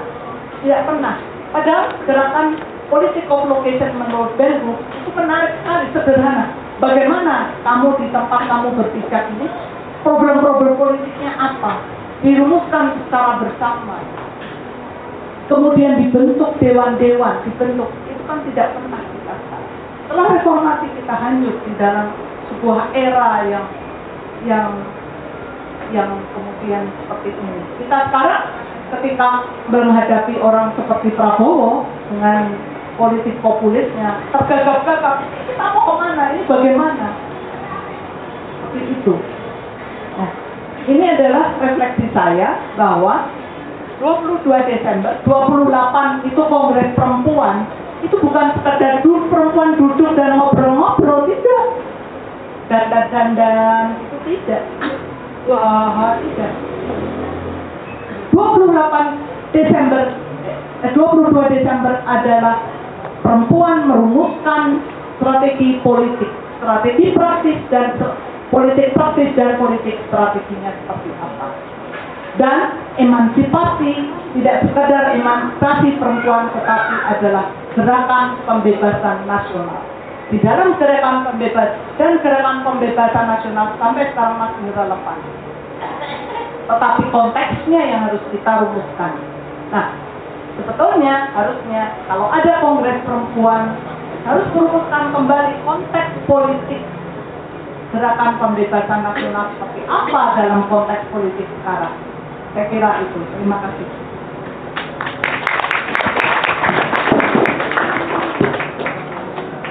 Terima kasih banyak Bu Rita. Tadi sengaja saya tidak potong karena banyak sekali informasi yang sangat perlu disampaikan, terutama untuk teman-teman muda hari ini yang aktif digerakkan dan mungkin masalah nggak punya em, ideologi yang menurun itu tidak hanya terjadi di gerakan perempuan saja, mungkin juga gerakan mahasiswa hari ini juga ya, yang lebih yang mungkin gerakan perempuan hari ini pasca eh, pasca Baru lebih digerakkan oleh proposal mungkin Bu. Jadi eh, ke mana arah ideologinya kurang diketahui. Nah yang menarik, jadi banyak sekali tadi yang menarik ya yang disampaikan berita gitu. Jadi yang awalnya hmm, sama Muhammadiyah hadir meniru Budi Utomo, meniru Putri Mardikanya Budi Utomo bikin IKEA yang awalnya bisa mengharmonisasikan agama yang kelihatan sangat patriarkis itu untuk membebaskan perempuan. Loh kok malah ketika 1920 sekian malah gontok-gontokan sama eh, apa saya progresif. Dan puncaknya ketika Puani gitu, eh, Gerwani tidak mau ikut dalam kongres misalnya nah eh, itu juga kemudian yang menarik politik of location nah ini kalau saya sendiri senang belajar malah jadi teman-teman gerakan perempuan di India yang kayaknya lebih bisa melihat eh, apa akar eh, ideologinya dari lokasi permasalahan eh, konteks apa lebih kontekstual ketimbang kita ya kalau mahasiswa hari ini ngomong feminisme pasti rujukannya ya kalau masih Sofia Woldi, Sofia Federici gitu. Mana ini yang agak upah dan teman-teman dulu ibu-ibu kita kurang dikutip hari ini. Mungkin itu aja refleksi yang sangat penting. Gitu nah teman-teman saya yakin punya banyak pertama pertanyaan yang bisa didiskusikan atau mungkin didebatkan. Jadi silahkan eh, empat empat pertanyaan atau tanggapan ya. Silahkan. Baik,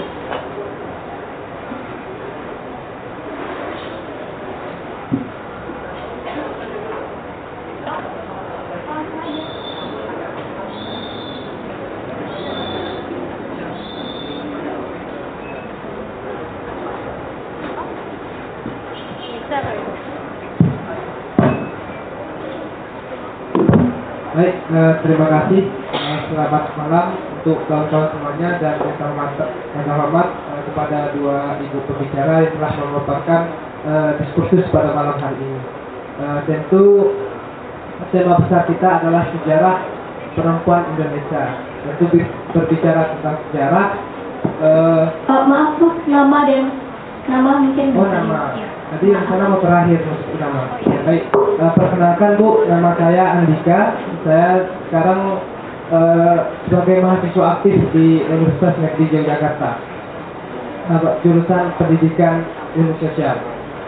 Nah, bicara tentang perempuan, tentu kita bicara tentang periodisasi yang mereka tempuh dalam lintas sejarah. Nah, itu yang kita sebut gerakan. Nah, apa yang mereka sam- sampaikan, apa yang mereka hasilkan dari eh, gerakan tersebut, itu yang saya namakan pencapaiannya. Oleh karena itu, eh, di sini bicara tentang per- sejarah perempuan Indonesia tadi eh, Ibu Ita menjelaskan eh, begitu panjang. Nah, saya belum melihat apakah eh, gerakan perempuan di Indonesia yang bagian timurnya, khususnya daerah Papua misalkan, apakah ada suatu gerakan ataupun siapakah tokohnya di sana, sehingga eh, kita bisa juga tahu apa siapa dan bagaimana sejarah perempuan ya, Indonesia di bagian timur dalam bu- khusus dalam bukunya Fora Frede ini. Yang kedua itu ini kan e, menjelaskan tentang perempuan yang e, tokoh-tokohnya tadi disebutkan e, ada Maria Ulfa, Siti Sundari itu kan kita tahu sudah mengenalnya. Apakah dalam buku Koreter ini ada tokoh lain, sosok lain yang membuka, yang inspirasi yang belum ditampilkan, e, yang belum kita kaum milenial ini sadari saat ini. Mungkin Ibu bisa menjelaskannya lagi. Terima kasih. e, selamat malam.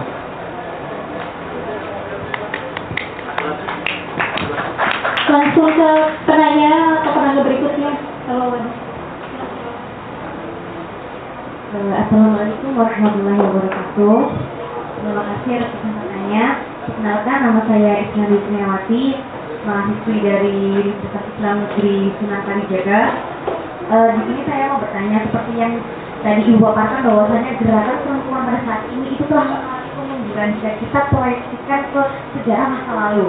Gitu. Namun di sini juga menurut saya ini adalah suatu dampak di mana perempuan itu mulai kehilangan jati dirinya dan pada ranah mana kita harus berjuang. Mungkin kalau dalam konteks zamannya Kartini, mungkin dia membidik pendidikan seorang perempuan di mana pada saat itu masih buta huruf, kemudian melawan kolonialisme, kemudian bagaimana perempuan ini bisa untuk mandiri tanpa harus terlibat kepada kapitalisasi. Nah, jika itu diproyeksikan kepada zaman sekarang, menurut saya kebebasan untuk seorang perempuan berkiprah di kancah politik itu sudah terbuka lebar. Jika saya menggunakan perspektif dari feminisme liberal, maka salah satu sebab dari ke, ketinggalan atau keterbelakangan keterbelakangan seorang perempuan itu karena dirinya sendiri itu telah menganggap dirinya lemah dan tidak mampu untuk bersaing dengan laki-laki. Nah itu bagaimana untuk bisa menggeret seorang perempuan itu untuk sadar bahwa dia juga memiliki peran yang begitu besar untuk membangun generasi ini. Mungkin jika dilihat gerakan-gerakan perempuan pada saat ini yang mereka hanya berbicara masalah kesetaraan dan jauh akan isu-isu politik yang membuat membuat ketimpangan-ketimpangan negara ini. Namun yang lebih mengecewakan lagi bagi saya apabila seorang perempuan itu tidak sama sekali peduli tentang gerakan-gerakan pada kaumnya. Jadi kalau eh, melihat kepada bukunya Mansur Fakih, salah satu pendukung atau pelandengan dari ketidaksetaraan ini itu adalah adanya doktrin agama yang bias terhadap gender. Nah, ini juga seorang perempuan mengalami kebingungan sendiri bagaimana dia harus mengiblat kepada eh, kacamata yang mana nih, kacamata yang barat atau kacamata yang ketimur-timuran gitu. Jadi eh, bagaimana bisa menjadikan seorang perempuan ini tidak hanya solihat secara dimensi ketuhanan, namun juga dimensi kemanusiaan. Terima kasih.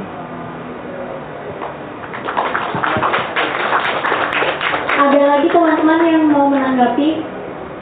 Kalau tidak ada, langsung ditanggapi. Oh iya, silakan.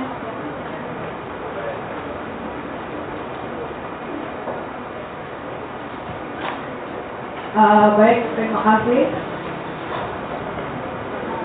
Eh, sebelumnya perkenalkan saya Wikan dari Sleman. Eh, sebelumnya saya ucapkan selamat pergerakan hari pergerakan perempuan kepada kedua narasumber dan seorang moderator di depan. Eh, sebenarnya ada tanggapan dan ada pertanyaan. Ada beberapa yang sudah saya catat. Yang pertama, em, ketika dikatakan bahwa semenjak reformasi gerakan perempuan mengalami kemunduran, saya pikir itu ada kaitannya juga dengan bagaimana reformasi membuka eh, keran kebebasan pers dan juga ditambah dengan adanya kemunculan internet dengan media sosial ini memudahkan seseorang untuk menyampaikan pendapatnya lebih mudah daripada sebelumnya yang berimplikasi pada bagaimana eh, beberapa gerakan perempuan kemudian berebut isu di ruang publik.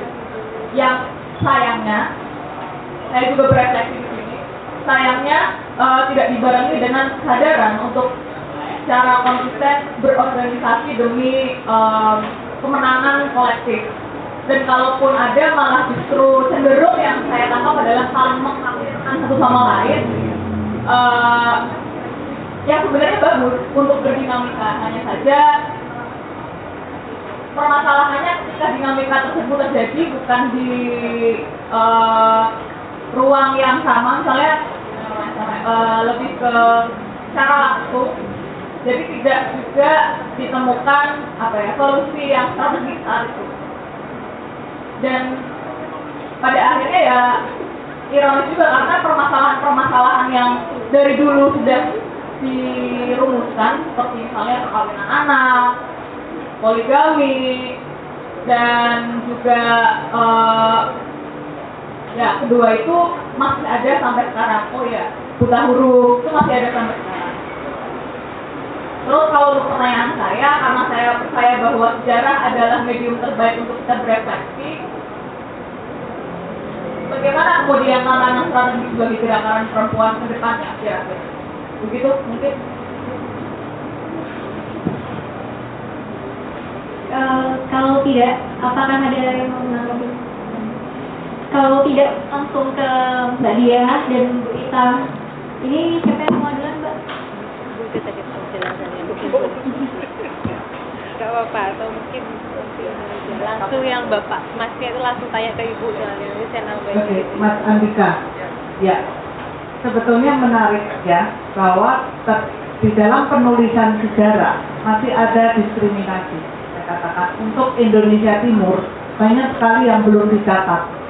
Dan pencatatan ini menarik karena pencatatan di Indonesia Barat itu yang sudah mulai huruf ya. Artinya pencatatan sejarah itu juga mengandaikan mengasumsikan ada ada ada tradisi, ada tradisi untuk melakukan pencatatan. dan itu biasanya ada pada kelompok-kelompok menengah atas yang terdidik. Dan dan di sini itu menariknya adalah karena di wilayah Indonesia bagian barat banyak sekali sekolah-sekolah perempuan. Dan ini ada eh, ke- apa keuntungan dari ke- pendidikan kolonial bahwa kolonial itu sangat tepat di dalam archiving, dalam pengarsipan. Nah, pengarsipan di Indonesia Barat itu lebih lebih lebih tradisi pengarsipan itu lebih lebih baik dibanding tradisi pengarsipan di wilayah Indonesia Timur. Tradisi pengarsipan di wilayah Indonesia Timur itu lebih kepada persoalan ekonomi dan perdagangan. Karena memang kolonial itu untuk wilayah Indonesia Timur itu adalah tujuan untuk perdagangan. Ini juga mempengaruhi di dalam tradisi pengarsipan, ya. Oleh sebab itu, kalau kita pergi ke Belanda, ke KITLC, ke berapa ke Royal Tropical, ke, ke beberapa eh, apa eh, eh, apa CISC, semua tradisi ar- arsip-arsip itu adalah di untuk Indonesia untuk gerakan itu di Indonesia bagian barat. Indonesia Timur itu bagaimana cengkeh, bagaimana rempah, bagaimana jadi berapa kilogram, berapa ini.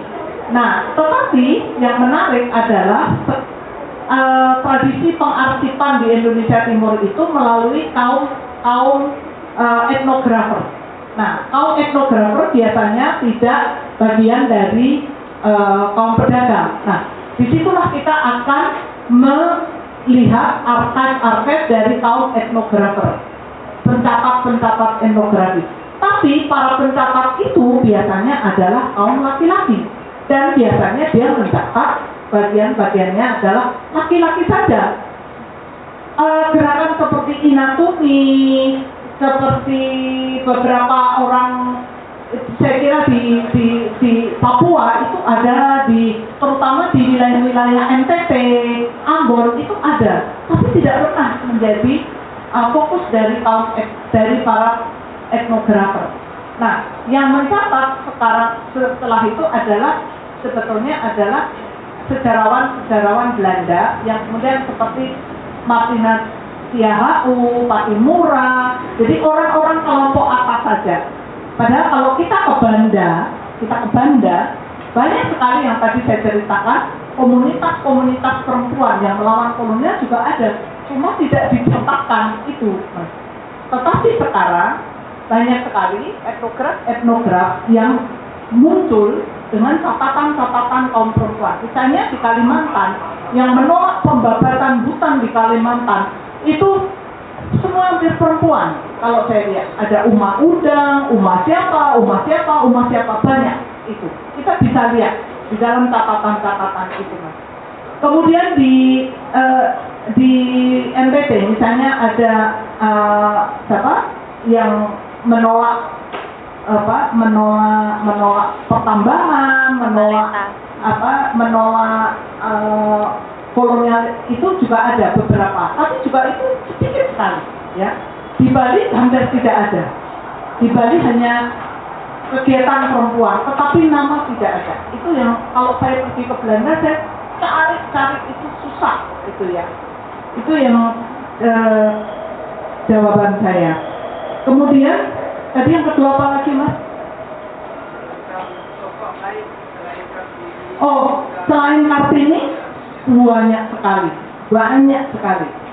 Di di buku ini, ini banyak, eh, di buku ini banyak sekali nama-nama yang luar biasa. Ini ya, itu ini saya catat hanya sebagian saja. Itu selain Kartini ada Dewi Kartika, Dewi Sartika, kemudian Rahmah El Yunis, kemudian eh, ada eh, eh, jumlahnya ratusan, jumlahnya ratusan.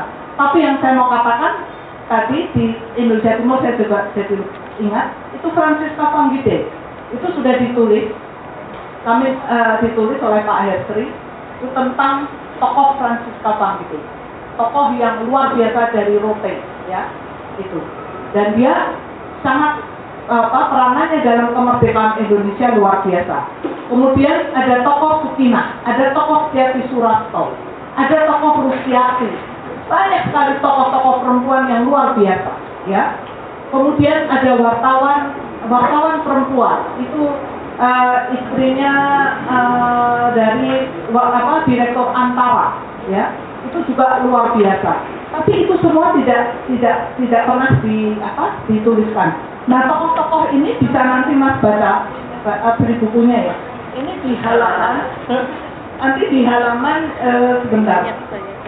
Banyak sekali tokoh-tokohnya. Dan foto-fotonya juga ada di sini ya. Foto-fotonya juga ada. Nanti beli aja. Eh, itu eh, jadi dibaca saja dan dibeli bukunya. Untuk supaya tahu bahwa perempuan Indonesia tidak hanya eh, apa diam saja perempuan Indonesia menjadi bagian dari proses kemerdekaan. Tapi tidak hanya kemerdekaan Indonesia tetapi juga kemerdekaan pembebasan bangsa di, di dunia ini ya. Ada Ibu Suwarni, Ibu Ibu Ibu Suwarni itu menjadi tokoh di PBB, ya. Itu juga eh, perumus dari eh, undang-undang perkawinan. Nah, kemudian dari Mbak Tin, eh Mbak siapa? Isna dari UIN. Eh, ini menarik sekali menurut saya bagaimana kita merumuskan Mbak. Sebetulnya sekarang adalah kita jangan saya sering saya sering tidak begitu suka pada kita mau ikut di feminisme barat apa feminisme timur. Saya tidak suka. Saya selalu melawan itu. Karena feminisme itu ada di setiap ranah dalam kehidupan kita. Kita bisa merumuskan feminisme tidak harus berkiblat pada barat dan timur. Feminisme harus dirumuskan sendiri dari problem yang ada di sekitar Anda. Itulah feminisme. Feminisme dasarnya adalah bagaimana kita melawan ketidakadilan dari perspektif perempuan. Bagaimana kita ah nunggu dulu ah bagaimana Sylvia Wati, bagaimana ini, bagaimana Simone de Beauvoir. Tidak, tapi Anda sendiri yang harus merumuskan persoalan-persoalan ketidakadilan di sekitar Anda atau dalam lingkungan Anda dari kacamata perempuan, dari dari perspektif perempuan tentang ketidakadilan ini. Ketika Anda melihat tukang becak yang dipukuli dan tidak berdaya dan Anda diam saja, itu Anda bukan seorang feminis. Feminis harus mengatakan bahwa itu tidak benar. Itu salah. Ya. Anda melihat perempuan dipukuli suaminya atau teman Anda dipukuli pacarnya dan Anda diam saja, itu juga bukan feminis. Feminis adalah ketika kamu tahu bahwa di sekitarmu kamu bisa merumuskan itu apa yang terjadi di situ. Tidak harus menunggu dari barat dan timur, tapi kontekstual. Di India ada gerakan yang namanya gerakan apa uh, yang dimotori oleh uh, para perempuan dan mereka menolak feminisme barat mengatakan bahwa kami perempuan India kami tahu apa yang harus kami lakukan. Kemiskinan ketidakadilan kekerasan ya. Saya sekarang sedang bekerja di Palu. Di Palu ini sekarang ini banyak para perempuan muda yang diculik dibawa ke hutan menjadi budak seks dari kaum jihadis apa yang harus kita lakukan terhadap itu? Kita tidak usah menunggu dari luar, kita harus merumuskan di situ. Banyak para pengungsi, anak-anak yang dipaksa kawin. Banyak anak-anak perempuan remaja yang malam-malam diperkosa di tenda-tenda. Itu adalah problem kita yang harus kita rumuskan sebagai perempuan. Ini adalah politik location. Merumuskan problem utama dari kita sebagai manusia. Kita adalah perempuan merumuskan problem kemanusiaan.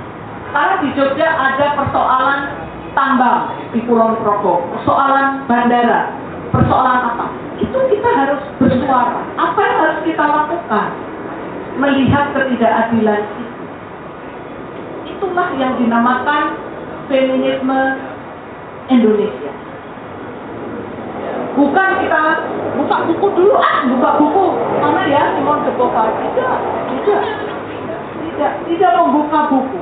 Tetapi melihat dengan mata hati mendengarkan mata hati dan kemudian kita bergerak. Dan mbak eh, ini yang harus dirumuskan. Tidak kemudian pada konsep-konsep besar tapi bagaimana di sekitar kita? Bagaimana kita melihat ketidakadilan, bagaimana kita menjawab persoalan-persoalan itu, Pak. Itu sebetulnya yang harus dirumuskan. Nah, ruang-ruang ruang-ruang menganalisa, ruang-ruang itu sekarang kayaknya tidak tidak terbuka lebar. Nanti itu akan bersambut kepada pertanyaan Dika. Dengan internet, dengan medsos, itu ruang-ruang perjumpaan, ruang-ruang dialog politik merumuskan situasi itu itu itu itu tidak terjadi. Jadi semuanya diangkat ke internet dan medsos. Ada baiknya cepat, cepat beredar, tetapi itu tidak dalam. Tidak ada analisisnya. Padahal untuk sebuah peristiwa kita butuh di, kita butuh melakukan mapping. Butuh memetakan soal-soal itu. Nah sekarang dengan internet dengan media sosial memang cepat cepat ke mana-mana. Tetapi intensitas dari membahas persoalan itu hilang. Ya itu hilang. Nah ini yang saya kira yang yang kita harus mencoba menjawab itu seperti apa. Saya juga tidak tahu, tetapi kalau saya, saya sering dikatakan aku no, tidak. Saya mengatakan saya belajar, saya belajar di India, di India media sosial tetap, tetapi perjumpaan juga tetap merumuskan konteks neoliberalisme kapitalisme dalam konteks perempuan seperti apa. Ini yang harus dirumuskan, harus dibicarakan terus menerus. Kemudian apa? Gerakan perempuan mundur. Saya selalu mengatakan gerakan perempuan mundur dalam posisi dia kehilangan elan gerakannya. Dia kehilangan rumusan untuk idenya apa. Itu. Dan kemudian apa? Eh, organisasinya kemudian oke okay, organisasi maaf ya kemudian sangat tergantung dengan funding ya. Sangat tergantung dengan apa kemauan donor gitu. kita tidak mandiri. Ketika kita tidak mandiri kita bergantung pada donor maka proyek-proyek isu-isu itu adalah yang merumuskan adalah donor agensi. Tetapi bagaimana kita merumuskan diri kita itu tidak bisa. Saya belum saya terus terang. Saya salah satu yang selalu mengkritik gerakan perempuan di Indonesia. Jadi bagaimana kita merumuskan persoalan bagaimana mengkontekskan persoalan itu yang yang sekarang ini sangat sedikit Mbak Wikan ya. Kemudian tantangan strategisnya ya kita harus duduk bersama. Dan duduk bersama ini tidak ada lagi ruang. Kita harus duduk merumuskan lagi. Sekarang satu contoh, karena teman-teman perempuan bilang tentang uh, apa migran, tetapi bagaimana esensi dari migrasi dan juga tentang buruh itu seperti apa? Ini yang tidak menjadi gerakan kita tidak pernah buruh atau atau buruh untuk duduk bersama duduk satu meja dan kita berbicara bagaimana kita harus bekerja. Sekarang kan sepertinya oke okay, dulu kamu di sini, saya di sini, kamu bekerja apa, saya mengerjakan apa. Nah, inilah yang harusnya dirumuskan kembali seperti itu. Begitu pula dengan kekerasan terhadap perempuan, ini juga tidak pernah dirumuskan esensi dari kekerasan itu apa. Satu lagi masalah gender. Saya kira gender tidak pernah kita bicara tentang regime gender. Gender itu tidak solid, tidak tidak statis. Gender regime gender itu sangat berubah-ubah dan sangat fluid.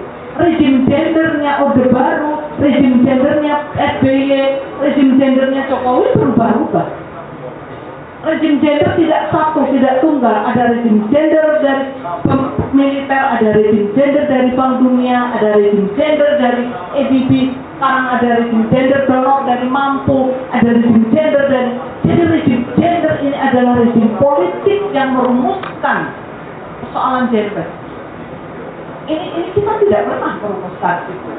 Gender itu ya gender adalah ini tapi regime gender yang yang yang yang berubah-ubah. Dan regime gender dari perspektif Islam itu juga berubah-ubah, Mbak. Ya kan? Saya sering bicara dengan Mbak Inayah dari UIN. Jadi bagaimana merumuskan rezim gender dari konstruksi dari konstruksi agama? Bagaimana kaum jihadis, fundamentalisme, itu kan rezim gender ini juga berubah-ubah. Jadi rezim gender tidak tunggal dan di mana posisi gerakan perempuan? Dalam gerakan perempuan kita merumuskan lagi posisi perempuan ada di mana. Jadi ada level, ada ada irisan-irisannya, Mbak. Seperti itu saya kira strategisnya seperti apa juga saya nggak bisa menjawab karena kita sedang dalam kita harus berproses untuk merumuskan itu.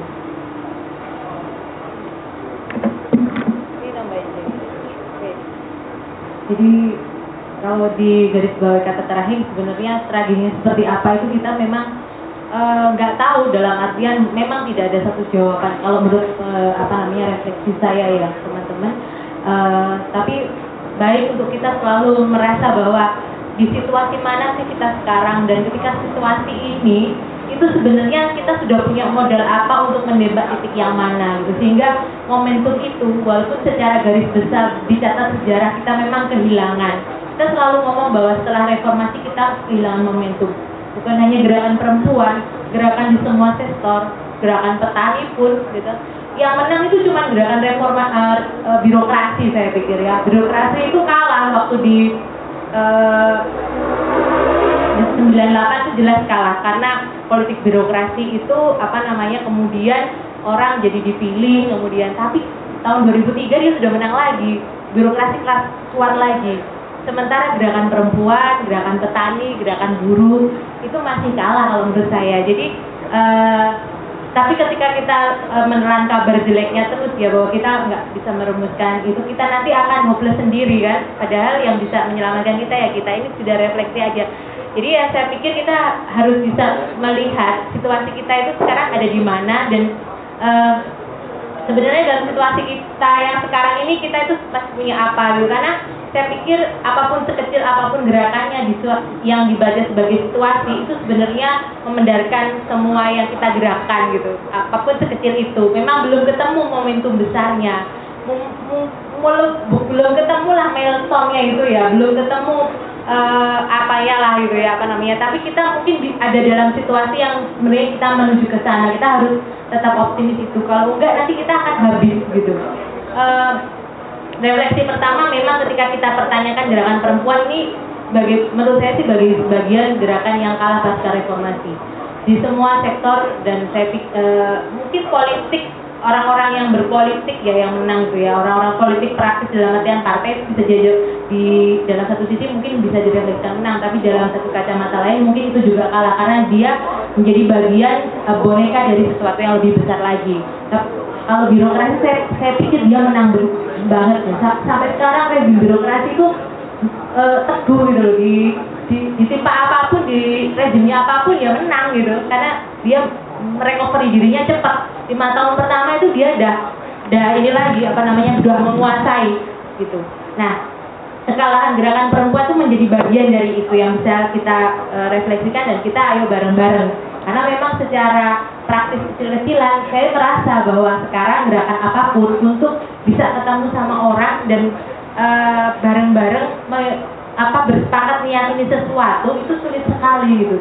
Adanya itu lebih asik kalau bertengkar bercarut marut gitu kan apa namanya kemudian uh, berlomba-lomba untuk mempunyai opini yang berbeda. Itu kan kita merasa asik gitu kan tapi jangan khawatir sebenarnya di banyak tempat gitu perempuan-perempuan di banyak tempat sebenarnya juga sedang berusaha untuk melawan ketidakadilan gitu.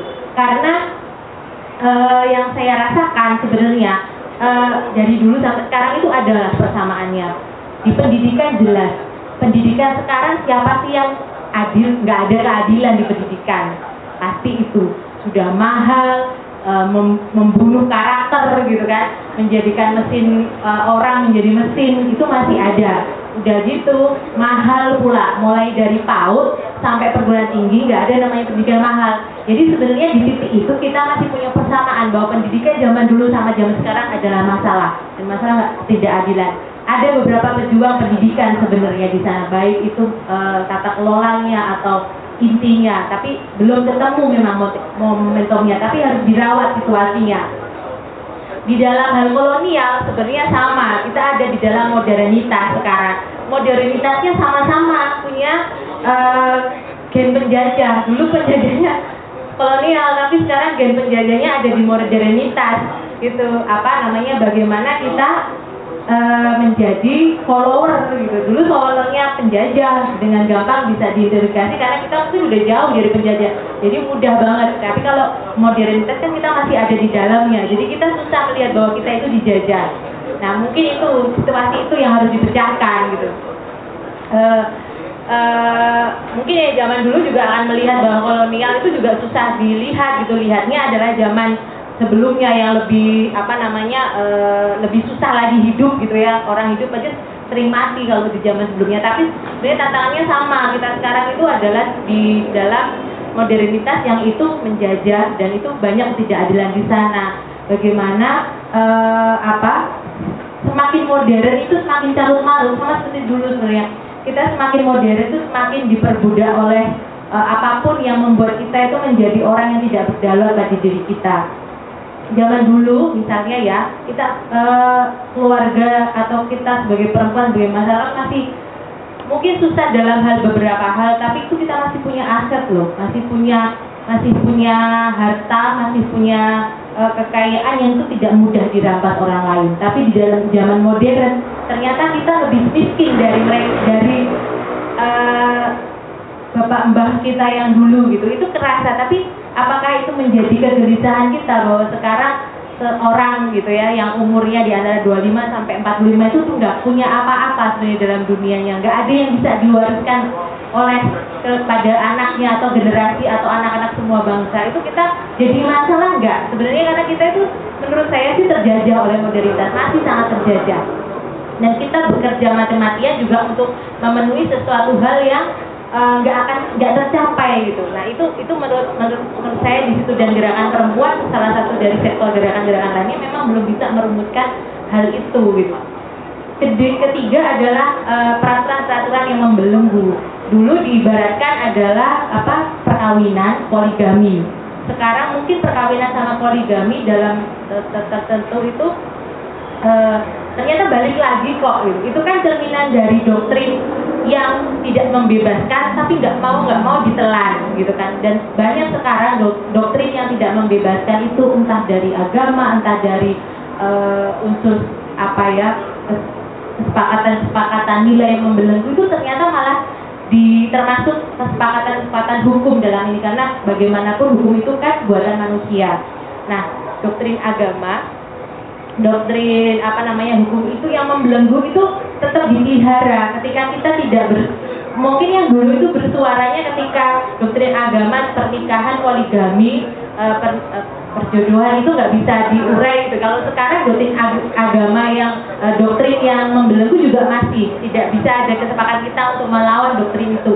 Tapi yang poligami sama ininya balik lagi sebenarnya mungkin kemarin-kemarin enggak tapi sekarang berubah tuh uh, pernikahan usia muda sama poligami itu jadi gorengan lagi malahan. Nah itu kemunduran seperti apa lagi itu yang kita naik? Tapi itu ya itulah apa namanya pendarahan situasi kita saat ini. Jadi jadi kalau kita mau uh, tadi juga dibilang Mbak Isna ya kebingungan kita itu untuk solekah secara beragama itu iya tapi juga solekah secara kemanusiaan dan sosial. Ya memang karena menurut saya sih agama, sosial, dan kemanusiaan itu bukan sesuatu yang berbeda ketika garis batasnya adalah e, ke keadilan.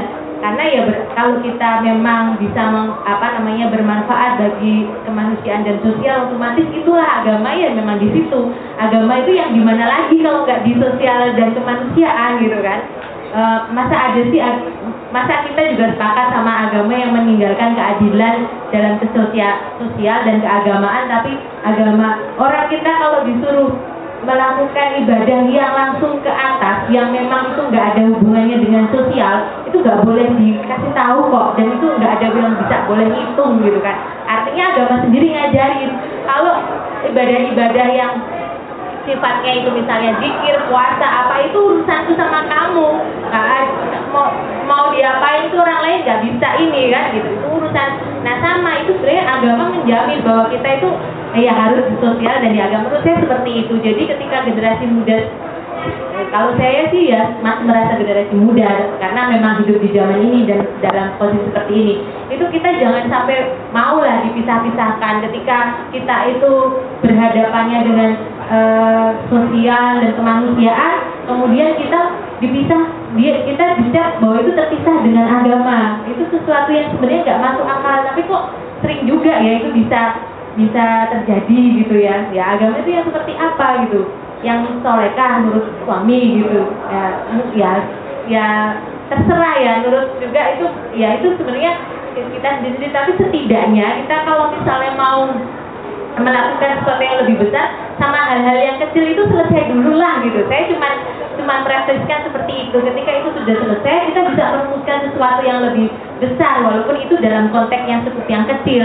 Dan strategi bagaimana sebenarnya sesuatu yang kecil di bawah kemudian dicakupan level yang lebih atasnya misalnya eh, komunitas masyarakat lebih luas dan kemudian sampai ke nasional. Sebenarnya saat ini itu harusnya lebih gampang kita sebenarnya bisa ngomong isu bagaimana di PAUD yang kecil di tengah e, di lokasi yang sangat jauh itu menjadi isu yang ada dibicarakan di kota juga isu yang jadi nasional.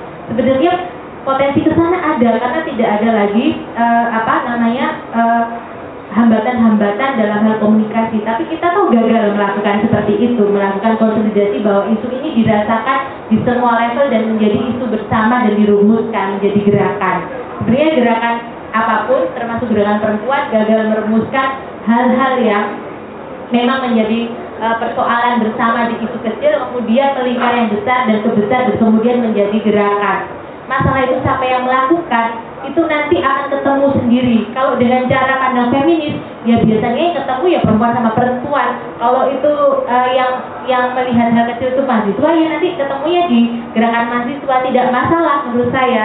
Tapi bahwa sekarang itu itu harus di di apa namanya semangati bahwa itu kita masih bisa melakukan saya pikir itu harus. Karena kalau tidak ya ya apa ya kita akan habis ya gitu. E, apalagi kita e, sayangnya e, kalau saya merefleksikan sih saat ini yang kalah kita itu terhadap modernitas. Karena kalau dulu orang didomestifikasi semacam itu tapi sekarang kita pun didomestifikasi. Ketika orang-orang yang bekerja dan melihat kemapanan seperti apa akhirnya juga nggak punya waktu untuk uh, menjadi berguna pada dirinya bagi dirinya kemudian melakukan gerakan gitu. Ketika kita uh, sekolah itu ya nanti akhirnya jadi uh, harus bekerja kan bekerja di perusahaan modern di institusi modern dan uh, habis waktu untuk uh, berkehidupan yang mungkin itu tidak menyelesaikan masalah gitu. Sama ketika di misalnya pekerja sosial yang memang ada hubungannya dengan NGO juga semacam itu kesamaannya sama. Gitu nggak ada yang harus saling menyalahkan tapi bagaimana situasi ini dibaca bahwa situasi ini tidak bisa menyelesaikan ketertindasan. E, kemiskinan itu masih ada. Kita itu generasi yang miskin. Mau punya rumah itu susah. Generasi bapak mbak kita itu mungkin makan itu kelihatannya susah baju kayaknya jelek gitu ya. Tapi mereka masih punya sesuatu gitu kan. Jadi kita jangan pernah merasa lebih kaya dari mereka gitu. Nah kalau kita, kita tuh merasa miskin tapi nggak miskin itu yang agak susah gitu. Jadi berangkatnya dari mana gitu. Saya sih berharap banyak perjumpaan itu bisa apa namanya bisa saling melakukan sesuatu yang kecil dan uh, apa namanya uh, melakukan sebuah ya itulah mengambil momentum saya yakin situasinya kita sebenarnya dalam situasi-situasi yang uh, bermodal lah, cuman momentumnya belum ketemu gitu aja. Terus kalau yang Mbak Wika itu reformasi dan kemunduran press internet ya itu fenomenanya gitu. Uh, sekarang itu kan zamannya kita udah nggak penting itu apa namanya terlihat seperti apa ketika kita ngelihatnya udah bagus ya udah berarti itu yang diterima gitu belum tentu uh, sesuatu yang bagus, apa baju yang bagus tuh dilihat bahwa kita mikir baju itu seperti apa, dibeli di mana. Kita hanya lihat ilusinya aja, oh ya udah bagus gitu kan, seperti itu ya. Bahwa kita di di realitas kita itu sekarang memang di memang dikabur-kaburkan gitu kan. Itu menurut saya itu juga uh, sebuah tantangan gitu. Kita mau ada di titik mana gitu. Ketika kita melihat realitas itu nggak seperti realitas, ya kita mau apa gitu. Ketika kita seperti itu bisa nggak kita kemudian memecahkan persoalan-persoalan ketidakadilan, kemiskinan kita gitu. Seperti itu. Jadi ya apa namanya uh, isu-isu saling mengkafirkan misalnya ya sama aja itu balik ke hampir persamaan yang zaman dulu ketika sebenarnya banyak persoalan itu kita telan apa karena kita memang selalu sering nelan persoalan setiap hari ya? Setiap hari buka buka bangun tidur buka HP itu semua persoalan kita telan. Dan kita merasa itu semuanya persoalan. Tapi kita nggak bisa merumuskan persoalan itu intinya yang di mana gitu. E, sehingga ya e, apa namanya? E, kita jadi bingung ini semua semua dunia kayaknya persoalan. Tapi memang itu trennya seperti itu. Kita merasa bahwa misalnya saya e, pas jadi mahasiswa dulu di eh, tengah-tengah tahun 2002 dia ngerasa semua itu persoalan saya ya. Baru-baru ke sini aja saya tuh merasa bahwa bo- boleh semua persoalan kita tahu, tapi memang harus ada titik situasi yang kita ubah, gimana kita berkarya di situ. Seperti itu, simpelnya sih seperti itu. Tapi saya harap ya jangan eh, sadarnya saya, kayak saya telat ini di umur 40 baru sadar seperti itu gitu. Memang persoalannya banyak, tapi paling tidak kita harus menciptakan situasi-situasi yang membuat kita itu punya karya kecil dan ber- berharap bahwa gerakan itu akan muncul gitu. Kalau enggak ya kita akan kalah bahwa eh, setiap hari sekarang orang dicecar dengan satu jam lebih doktrinisasi yang me- apa namanya menyudutkan perempuan lewat tayangan jam setengah enam sampai jam setengah tujuh itu loh gila nggak tayangan seperti itu dan nggak ada yang dan kita itu protes cuma di dalam hati tapi kalau kita tadi apa namanya nggak segera melakukan karya-karya kecil ya kita kalah dengan seperti itu itu kan efektif sekali gitu. Bagaimana perempuan eh, apa namanya yang fresh gitu ya bangun tidur semua masuknya sambil nyiapin semua per- apa eh, kebutuhan rumah itu didoktrin setiap hari loh itu kayaknya eh, enggaknya itu cuma hari Sabtu sama Minggu itu tapi setiap hari semua itu dan itu ditelan gitu kan ya itu kita akan kalah sama hal seperti itu ketika kita memang tidak bisa merumuskan sesuatu bersama menurut saya sih refleksinya itu Eh, terima kasih tepuk tangan tepuk tangan dulu untuk kedua. Eh, kayaknya ini karena rajin waktu ya jadi harus disudahi saja mungkin yang mau malam mingguan biar lebih Oh masih sempet ya? Atau ada yang ingin bertanya mendesak sekali gitu nggak ada ya Untuk menceritakan gitu. Terima kasih banyak. Tadi kayaknya banyak sekali hal yang bisa kita ya refleksikan dan kita diskusikan lebih lanjut karena ini teman-teman juga mungkin jadi simpul gerakan semua. Jadi di sini bisa didiskusikan lagi, nggak hanya sebatas jadi hmm, apa ini kayak rutinitas diskusi selesai gitu enggak. Jadi mungkin nanti ada referensinya semoga ya terus bisa disebarkan juga. Mungkin cukup sekian gitu mohon maaf kalau ada yang tidak berkenan selama menyajikan agenda ini. Terima kasih banyak untuk Bu Ita, tepuk tangan sekali lagi dan Mbak Dia, ilmunya sangat bermanfaat sekali. Eh, mungkin gitu aja Mas, panitia ada tambahan? Udah, oh ya. Terima kasih ya teman-teman semuanya, sampai jumpa di diskusi berikutnya. Assalamualaikum warahmatullahi wabarakatuh.